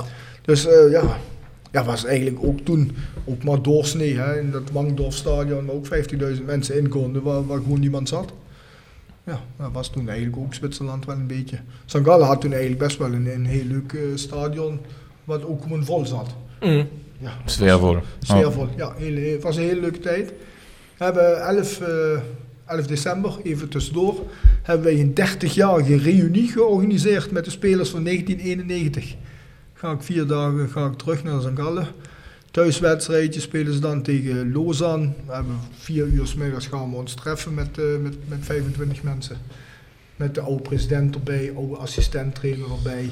Gewoon een reunie georganiseerd om eens na 30 jaar nog eens even Ah, cool. even, even, even nog eens even te lachen. Kleedkamerhumor. En je zei je ook zonder problemen geaccommodeerd door St. Gallen, hè? Eh, ja, het, het was zo dat wij het... eh, eh, we hebben dat balletje opgegooid. Sangalle heeft dat ook gewoon netjes opgepakt. Kijk, ik weet ook niet of je dat bij Roda zo makkelijk kunt regelen. Sangalle vond het gewoon een top idee. Mm. Mannetje, video's worden daar geregeld. En, maar ja, ik weet niet, als je dat bij Roda wilt opgooien, ik weet niet of je nog vrijkaarten krijgt. Ja, ik denk dat dat een beetje een punt voor jou was erop. Van, eh, het, het, het, het zou mooi zijn als, eh als Oud-Roda ook op die manier gefaciliteerd Ja, ja, ja. wordt. En volgens mij komt dat nu met name omdat een aantal mensen die kar trekken en dat gewoon eh, regelen zoals Siep dat de laatste Ja, keer ja, gedaan ja. heeft.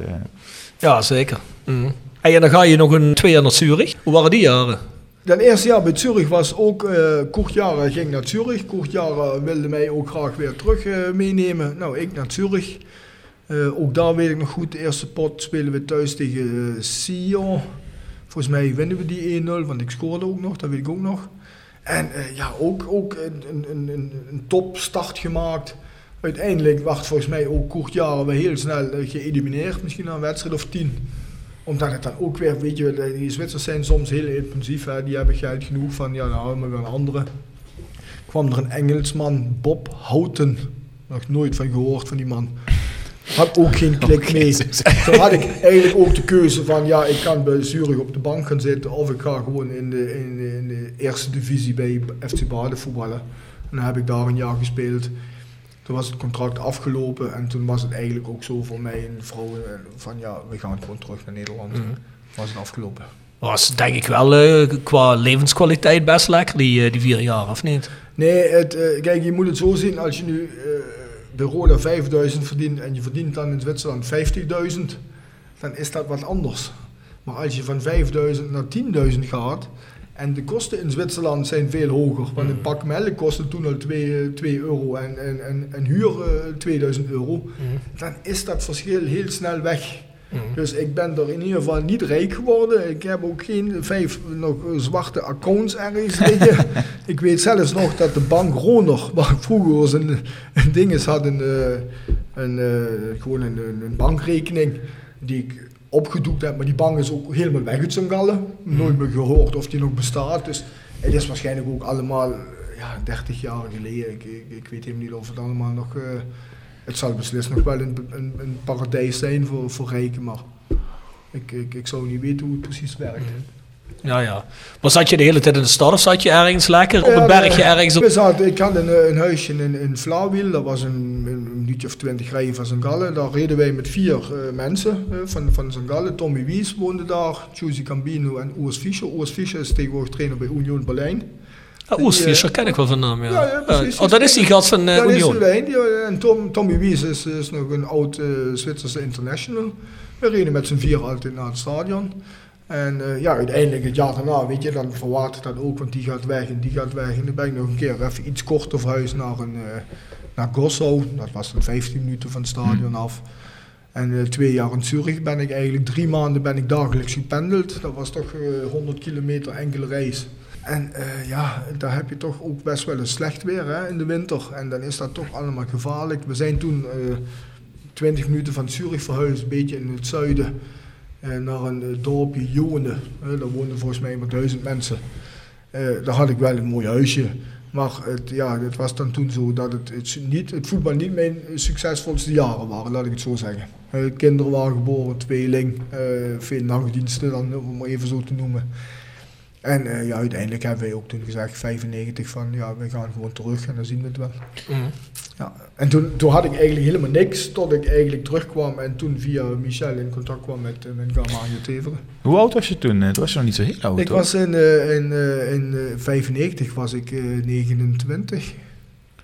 Ja, maar goed, was- ik had in ieder geval eh, eh, bij Roda die Achillespees afgescheurd. Ja, en in Zwitserland heb ik een keer een kruisband afgescheurd. Dus eh, ja, en, en, en dat, daar kijken wij. Dus toen ben ik twee jaar bij Teveren geweest. Ja, en dan, werd- dan scheur ik dan weer die Achillespees. En tijdens, eh, het lullige is, tijdens, tijdens het ingips en herstel eh, drie maanden of twee maanden later, trap ik op dat gips kapot en weer die Achillespees kapot. Ah, Ja, dus toen was het voor mij afgelopen. Toen was het ah, Helaas. ben je op een gegeven moment klaar, ja. Ja. En maar je wordt ook twee keer voor eh, Oranje geselecteerd, hè? Nee, ik heb een x aantal potjes gevoetbald voor Jong, Jong Oranje. Oranje, ja. Mhm. Ik heb een x aantal potjes gespeeld voor het Olympisch elftal. Eh, en ik ben één keer in het Huis ter Duin geweest voor een, een trainingsstage als voorbereiding op de wedstrijd tegen Wales. Ja. 19 mensen opgeroepen. Adek Koot, Hendrik Kruse en ik vielen toen nog af en er bleven er 16 over. En in die oefenpot, toen tegen een amateur, heb ik nog 20 minuutjes mee mogen ballen met het oranje. Mhm. Maar ik heb geen officiële Oranje of eh, Interland. Bij Enterland gespeeld. Jong Oranje. Olympisch elftal. Dat we het eigenlijk al weten als iemand uit Kerkrade voor eh, Oranje was geselecteerd. Ja. Ja, maar ja, wie weet. Nee, het Het, is het niet- was toen in ieder geval meer. Tussen aanhalingstekens maak ik nu, hè. Schering en inslag als dat het nu is. in Ja, ja, ja, Kerkrade klopt, spelen, ja, We hebben wel mensen uit de regio gehad die toen de tijd wel... eh, ja, die hadden we niet gemist. Hè? Die hadden we niet gemist. Nee, kijk, Nee, maar ik zeg maar, voor mij eh, twee, kan ik ook nog eh, twee wedstrijden herinneren. We hebben toen met, die, eh, met Jong Oranje een paar keer een oefenpotje gespeeld tegen Nederlands elftal. Dus met, met Koeman, Nederlands elftal en Gullit. En wij spelen dan met, het, eh, met, met Fred Rutte en met, eh, met ja, Joop Langhaar. Wij hadden René van Eck. En dat was dan Jong Oranje. We hebben één potje 2-1 verloren, waar ik scoorde toevallig. En we hebben één potje met 5-2 gewonnen. Hm. Dus wij konden ook wel een beetje ballen. Hè? Maar ja, dan moet je een beetje mazzel hebben dat dan op het juiste moment iemand afvalt. Ja, ja, ja. Eh, eh, En ook op jouw 88 positie natuurlijk, hè. En 88 is toen Wilbert meegegaan. Hè? Ja. En eh, ja, dat, dat had ik misschien ook wel kunnen zijn als misschien net iemand anders afgevallen was. Maar Mm. ja, maar Sufi, toppertje. Ja. Ja, ik heb hem. ja, hij woont in Frankrijk. Frankrijk, ik heb via via ooit eens een paar jaar geleden telefoonnummer van hem gekregen. Want ik ben dan zo eentje die toch links en rechts eens op zoek gaat. Hé, hey, eh, ja, Wilbert, als je in de buurt bent, ga eens een kop koffie drinken. En, Heb die mij, ik ben eh, in Sittard bij de mam en eh, ja, wij getroffen bij, bij Snow World, een kopje koffie gedronken. En dat vind ik dan gewoon leuk. Ik kan er niks voor kopen, heeft geen euro ge- opgeleverd. Dan zegt hij, oh Pierre, toen ik naar Rode kwam en, en we hadden het eerste potje, wij moesten tegen elkaar. Wordt een moeilijk seizoen, dacht hij toen. ja, dat vond ik dan een leuke opmerking, dat hij dat nog blijkbaar kan herinneren. Eh, dat het, ja, de- die, die kan wat. Mm. Ja, en ja, dat vond ik dan nog veel leuker dan dat ik daar geld mee verdien. Want een beetje erkenning van een collega, dat vond ik dan wel eh, op zijn plaats. Ik heb ook eens een keer Henny Meijer opgebeld. Ook een verhaal op televisie, een wedstrijdje gezien ergens. En dan ging de camera zo naar. Ah, en bij de assistent-trainer van de tegenstander, Henny Meijer. Gelijk opzoeken welke club dat, dat is. Bel ik die Henny Meijer op. ook een topper. Hey Jenny, hoe is het met Pierre Bledler? Ja, leuk. Hey, hey, hoe is het? Ah, slecht, zegt hij, slecht. Vijf kinderen, gescheiden, ik heb geen geld meer, ik moet mijn kloot op. ja, en dat vind ik dan gewoon leuk om, dat het hem misschien slecht gaat, niet leuk, maar het idee dat dat een gewone man is gebleven. Dat hij echt is. Ja, Ja, ja. eh, gewoon zoals ik ook ben. Hè? En dat vond ik wel, ja, dat vind ik dan gewoon leuk om zo'n beetje wat mensen op te zoeken. Tuurlijk. Ja, en die, en die 30-jarige reunie, die heb ik eigenlijk daar bij zo'n geregeld vanuit thuis achter de laptop. Ja, daar gaan we vier dagen naartoe. Leuk. Ja, maar dat is toch leuk, man. Dat, dat zal ook iedereen wel echt schitterend vinden. In die tijd heb je waarschijnlijk... Ja, je hebt geen social media en geen mobiele telefoontjes, hè. Nee, nee. Dus je zit gewoon echt met elkaar bij je bezig, hè. Ja. Dus dat is, eh, je hebt ook veel meer een band, denk ik. Ja, ik, ik heb met een paar jongens nu getelefoneerd, want eh, enkele die hadden natuurlijk connecties nog met, met restaurantjes en eh, met kortingen en, en sponsors, weet je wel hoe het gaat. Maar als je dan met die mensen praat, dan is het net of je er nog vanmorgen mee getraind hebt. Mm. Die zijn ook niet veranderd in, in doen en laten. Hè? In commentaar, in praatjes, in... Ja, dat vind ik gewoon leuk. Ik, ik, ik vroeg me echt wel om op daarop eh, eens te gaan kijken. Ik heb het nieuwe stadion nog niet gezien. In 30 jaar ben ik eens een paar keer iemand tegengekomen.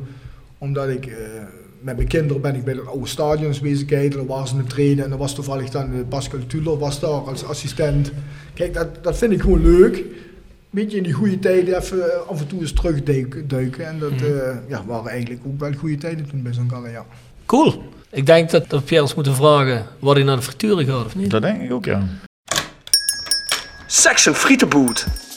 Gepresenteerd door Herberg de Bernardeshoeve. Weekendje weg in eigen streek? Boek een appartementje en ga heerlijk eten met fantastisch uitzicht in het prachtige Mingersborg bij Marco van Hoogdalem en zijn vrouw Danny. www.bernardeshoeve.nl En Stokgrondverzet uit Simpelveld. Voor al uw graafwerk, van klein tot groot. Onze gravels staan voor u klaar. Tevens worden we gesteund door Wiert's Company. Ben je op zoek naar extra personeel? Contacteer Wiert's Company in het PLS en vraag naar Sean, Mark of Paul. Of ga naar www.wierts.com. Ben ik wel eens dat hoort bij de podcast? Ja. Dat is een van de vragen. Eh, nou, dat is officieel ook een, eh, ook een rubriek. eh. Dat is Ah, onze oké. rubriek Sexy Frietenboot. Sexy frietenboot. Ja, de We willen, we willen graag weten wat je favoriete frituursnack is. frituursnack en een frietje zuurvlees. Friet, Of geen snack Een erbij? snack, een spoednikje. Spoed, kijk, spoednikje, geen berenklauw. Kijk, zo, zo mogen we het horen. spoednikje. Spoednikje. Ja, goed. Wederom komt het er zo uitgevlogen. hè. Ja, zeker. Welke frituur ga je dan heen? Eh, frituren Ben.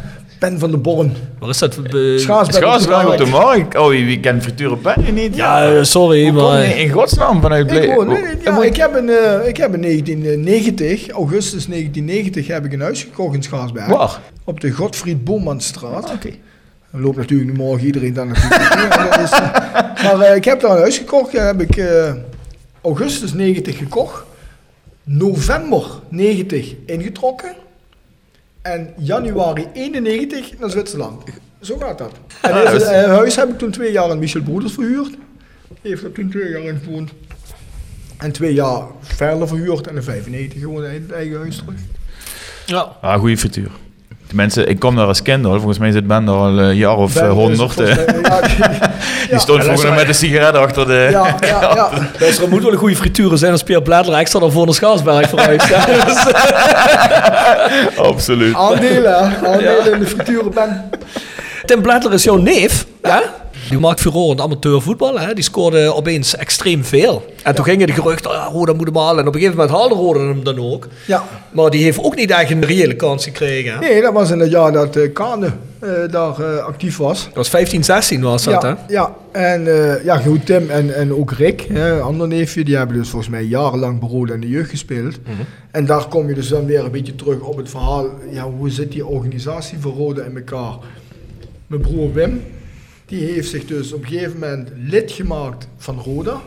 Want de elftallen waar Tim en Rick in spelen, die hadden nooit een vlagger.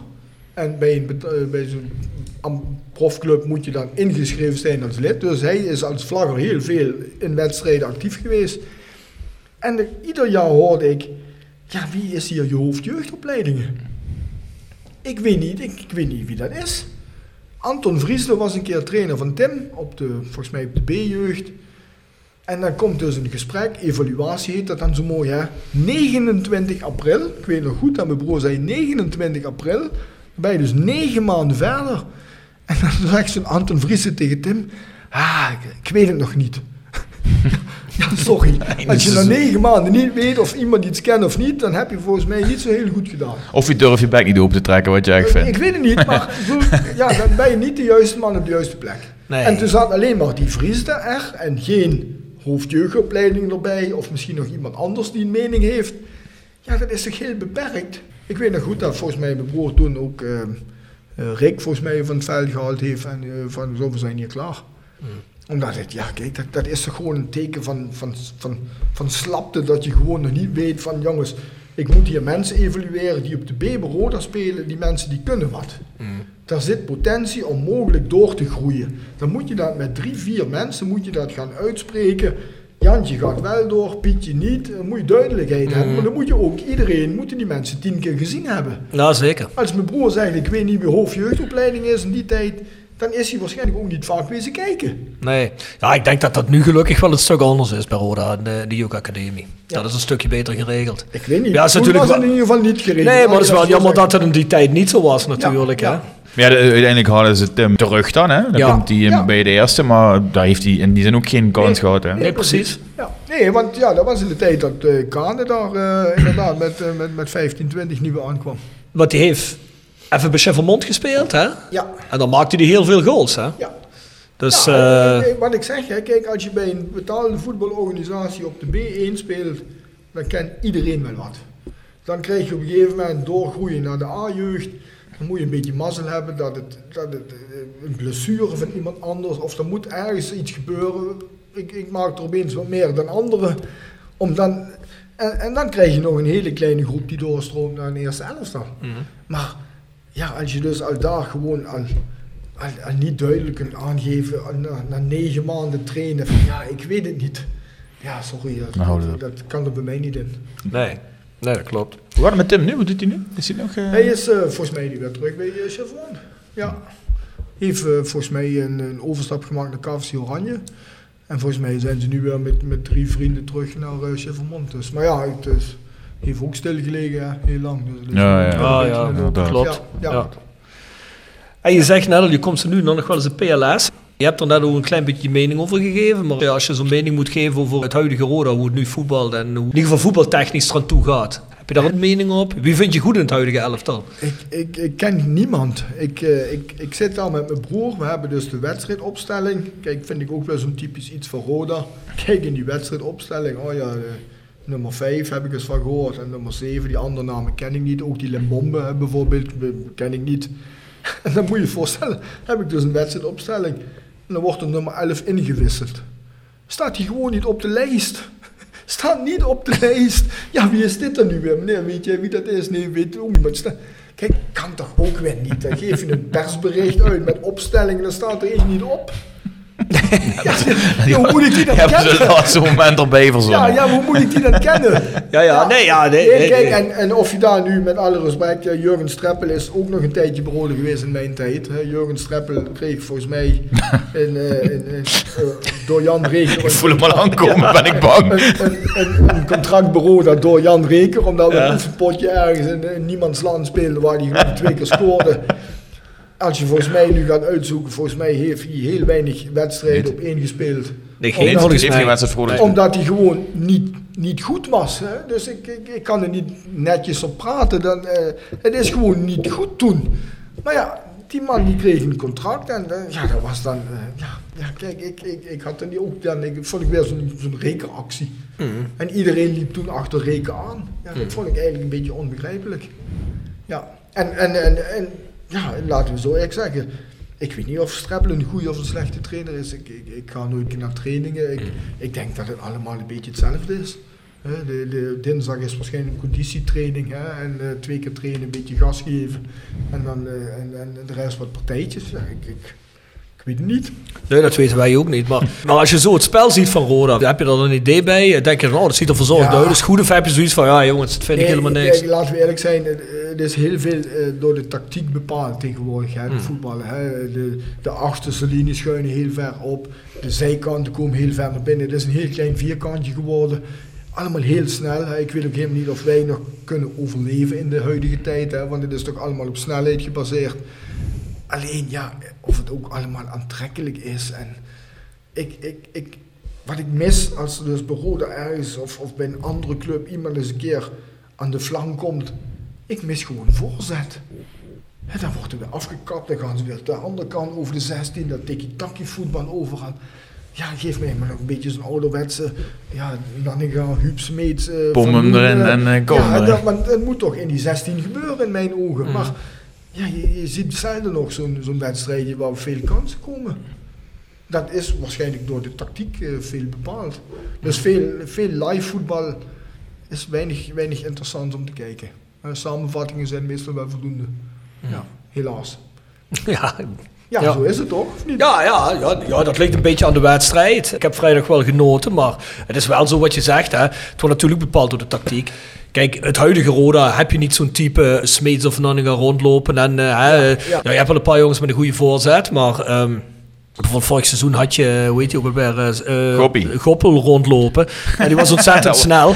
Maar die kon ik, maar die kon ik Die, in voor... die, die- als hij op de achterlijn kwam, dan moest je hem tegenhouden toen hij door de boarding heen liep. Ja. Maar een bal voorgeven, dat... Vast voorgegeven kon die niet. Dus ja, ik begrijp dat wel, maar dat wordt een beetje natuurlijk ook bepaald door de spelers die je hebt. Hè? Dus, ja. eh, nee, nee, maar, maar, ook even terugkomen op Goppel. Eh, ik, ben overtuigd dat een hele, snelle, van de stoel af een, hier. een hele snelle speler was.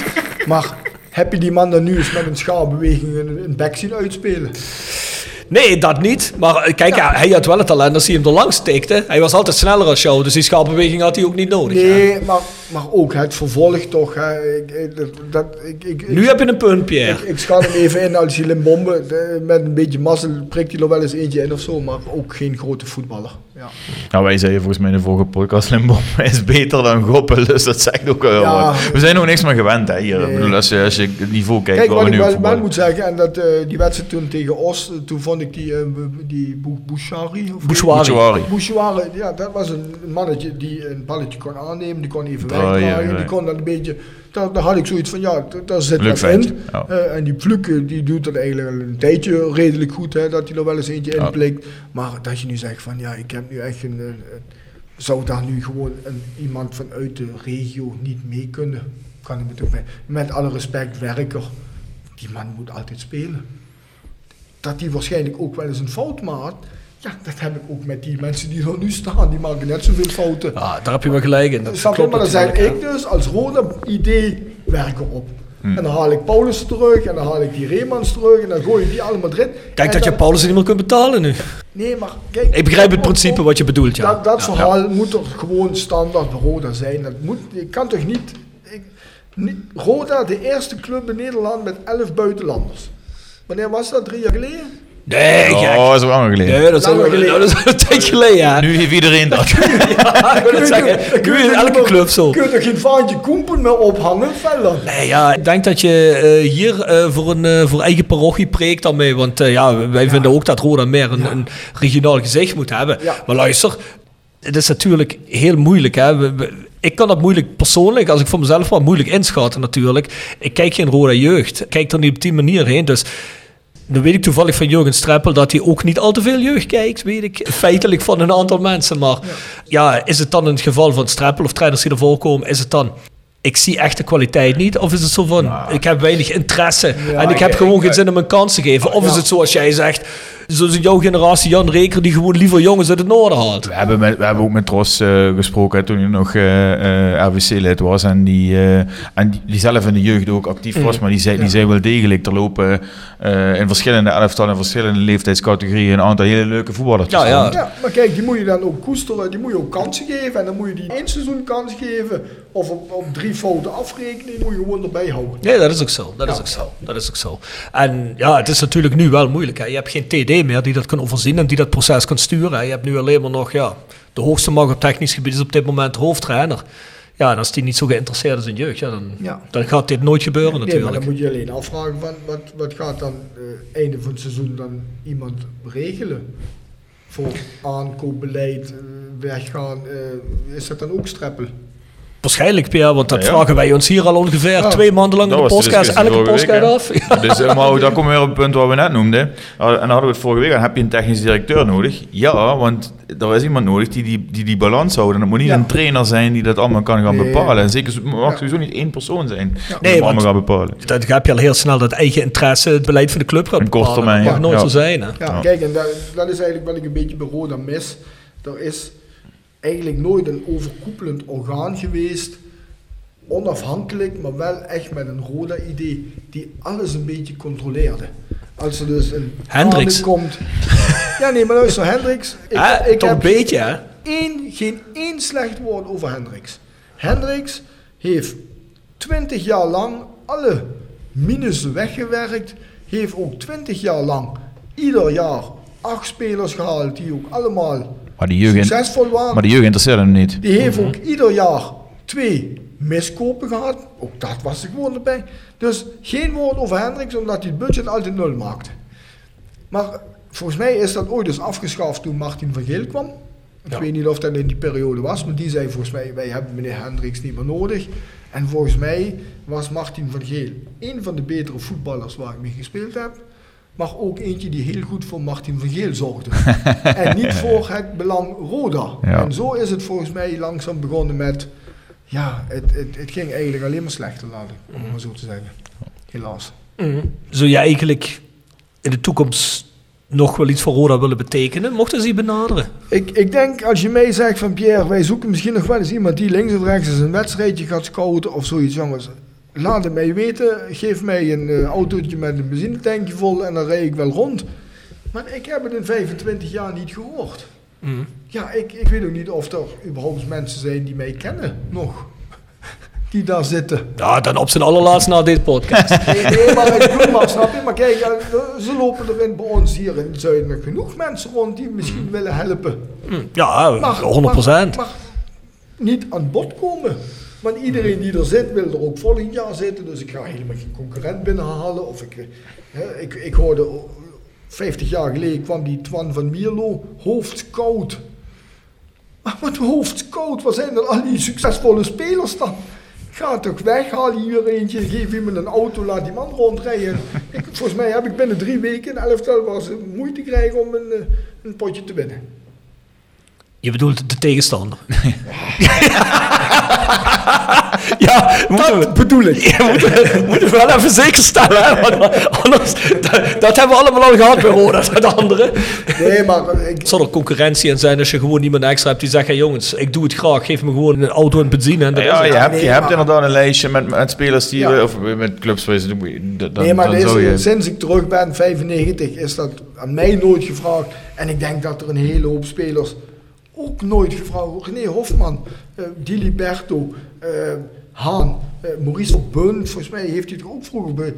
Die zijn toch allemaal met diploma's die gewoon ook niet aan, aan bod komen. Mhm. Dan denk ik bij mezelf, ja, dat is toch een, een gemis voor Roda om die mensen die toch een rode verleden hebben, om daar gewoon binnen huis. Gerry Zende op een gegeven moment weg als elfde leider. Uh, Jean nooit meer bij. Trosje weg, dan weer terug bij de raad commissaris. Dat is allemaal niet des Rodas. Nee, als je het Roda kent zoals wij het kenden Ja, vanuit eh, onze tijd niet, nee. Dus zoals gezegd, mannen zoals Danny Volkers, die nu hoofdjeugdopleiding is, die heeft wel eens van die mannen benaderd. Die heeft ook volgens mij vorig jaar René Hofman benaderd of die misschien iets willen doen. Daarom zeg ik ook, bij de jeugdacademie zijn ze bij Roda wel best goed bezig. Ze hebben Rick Plum teruggehaald, René Troost zit er hè, en dergelijke. Dus ja, en... eh, onze collega die aan binnenkomt gelopen zit er dus... eh, Mag morgen komen eens kijken na twee uur of die tijd wordt dat we dus gaan afronden. dus ja, wie weet. Het zou misschien zomaar kunnen. Ja. Maar we zitten ook op het laatste. Echt waar? We hebben nog... Nu eh, ja, ja, Ja, dat, ja, stond, stond nog weer mooi op de lijst. Hè? Maar, eh, Pierre, wat doe je nu? Wat heb je gedaan? Wat doe je nu? Nou, ik ben eh 97 ben ik eh, met, met voetballen gestopt. Ik ben eh, bij eh Netcar toen nog begonnen gewoon in de productie. Heb eh, met wat eh, bijscholing, eh, nou toch 25 jaar nu in, het, in de automobielindustrie gewerkt. Waarvan eh 15 jaar bij Netcar en 10 jaar bij Ford in Keulen. En sinds eh, 1 juli ben ik werkeloos. Reorganisatie geweest bij Netcar. Na vier jaar was ik een van de 160 mensen die weer met een vast contract ontslagen werden. En eh, ja, ik ben nu op zoek naar werk. Dus eh, bij deze mensen, baantje zoeken, Piertje bellen. We zullen Roda een balletje opgooien. Ja, ik, ik sta voor alles open. Nou, kijk eens En ik ben waarschijnlijk goedkoper dan die al die dure buitenlanders. Dan al die dure buitenlanders. En dan heb je er weer een van boven de rivier. Ja, ja. Ondertussen, ondertussen niet meer trouwens. Ja, er zijn Nee, ook die goeie- zijn er zijn ook goeie Er zijn ook goeie, zijn er niet veel, maar... Als ze hem boven de rivier over op terug willen, weet je. Dus, nee. Eén allerlaatste rubriek. Kogels terugkoppen. Kogels terugkoppen. Gepresenteerd door Van Ooyen Glashandel. Sinds 1937 vervangen en repareren wij al uw glas met veel passie en toewijding. Met 24 uur service. www.vanooyen.com En Quick Consulting. Laat finance waarde toevoegen aan je organisatie. We komen graag met je in gesprek om aan de hand van concrete voorbeelden duidelijk te maken hoe we dit ook binnen jouw onderneming kunnen realiseren. Think win-win, think quick. www.quickconsulting.nl Tevens gesteund door Roda Arctic Front. Kom eens terugkomen is onze rubriek waar we onze gasten vragen: is er iets, als je de kans had gehad, waar je misschien een andere weg had gekozen in het leven? Of iets waar je spijt van hebt en je zegt: oh, dat had ik anders willen doen? Ja, ja, ja. eh, daar moet ik even over nadenken. Eh, dat is een eh, goede vraag. Dat is dus een vraag van ja, maar. Mhm. Ja. Ehm, ja, wat was er gebeurd als Jan Rekel niet was geweest? Ja, Ja. Dan, dan was ik waarschijnlijk eh, eh, met eh 580 wedstrijden ook een Mr. Rode geweest, waarschijnlijk. Ja, ja dat, dat had ik al bijna een beetje gedacht Ja. dat dit kwam. Maar goed, eh, ja, dat, dat weet ik natuurlijk niet. Hè. Ik weet ook niet hoe het zich dan verder ontwikkeld heeft. Ja, tuurlijk. En, en ja, goed, ik heb eh, helaas ook een paar blessures gehad. Hè. Drie keer die, die Achillespees en een kruisband. Dat is natuurlijk ook niet echt... eh, Dat is niet niks. nee. En ja, had ik toen maar... Ja, eh, ik zat bij Nederland zelf al toen erbij een beetje. En, en eh, scheurde in die Achillespees. Ja, dan ben je ook klaar, hè. Ja, wat als... Dus de rubriek ingevuld met, ja, eh, misschien wel... eh, ja, toch wel die stomme reker, hè. Ja, die blijft als een rode draad terugkomen in deze aflevering. Dus eh, Ik heb er een ander beeld van Jan Reken gekregen, moet ik eerlijk zeggen. Ja, ja eh, het is in ieder geval niet het meest positieve beeld. hey, eh, Pierre, wellicht dat we je nog een keer terug gaan zien in de podcast. Ja, Nou ja, als je die eh, rubriek over die uh, Roepcup-wedstrijden gaat zien, Ja, gaat, zeker. gaat hebben, dan, zeker weten, zeker weten. Maar voor nu, bedankt dat je wilde komen. En ja, bedankt dat je er was. Ja graag gedaan. Ik, eh, als er eh, behoefte is aan eh, mijn verhalen, prima. Mooi, ja, dat zal er zeker nog wel zijn. Oh, mooie anekdotes gehoord vandaag. Goede verhalen zijn we altijd voor te vinden. hey Mo, de vrienden van de podcast. Ja, zullen we dat maar doen? Zeker. Jegers Advocaten. Next door Heer Nail en Beauty Salon. Hotelrestaurant de Veilerhof. Herberg de Bananenstoeven. Noordwand. www.gsrmusic.com. Stokgrondverzet. Rapi Autodemontage. Van Ooije Glashandel. Quick Consulting. Wiertz Company. Fando Merchandising. Nederlands Mijnmuseum. Marimi Solar Heerle. Rode Support. PC Data. Metaalgieterij van Geelst. En natuurlijk Roda Arctic Fronts. Roda fans uit. Scandinavië. Schön. Ons e-mailadres is thevoiceofcalais.south16.com. Onze website is south16.com. Voor The Voice Court ga je naar petje.af, uh, schuine streep naar voren, The Voice of Calais. Dan zeggen we tot volgende week. Adio.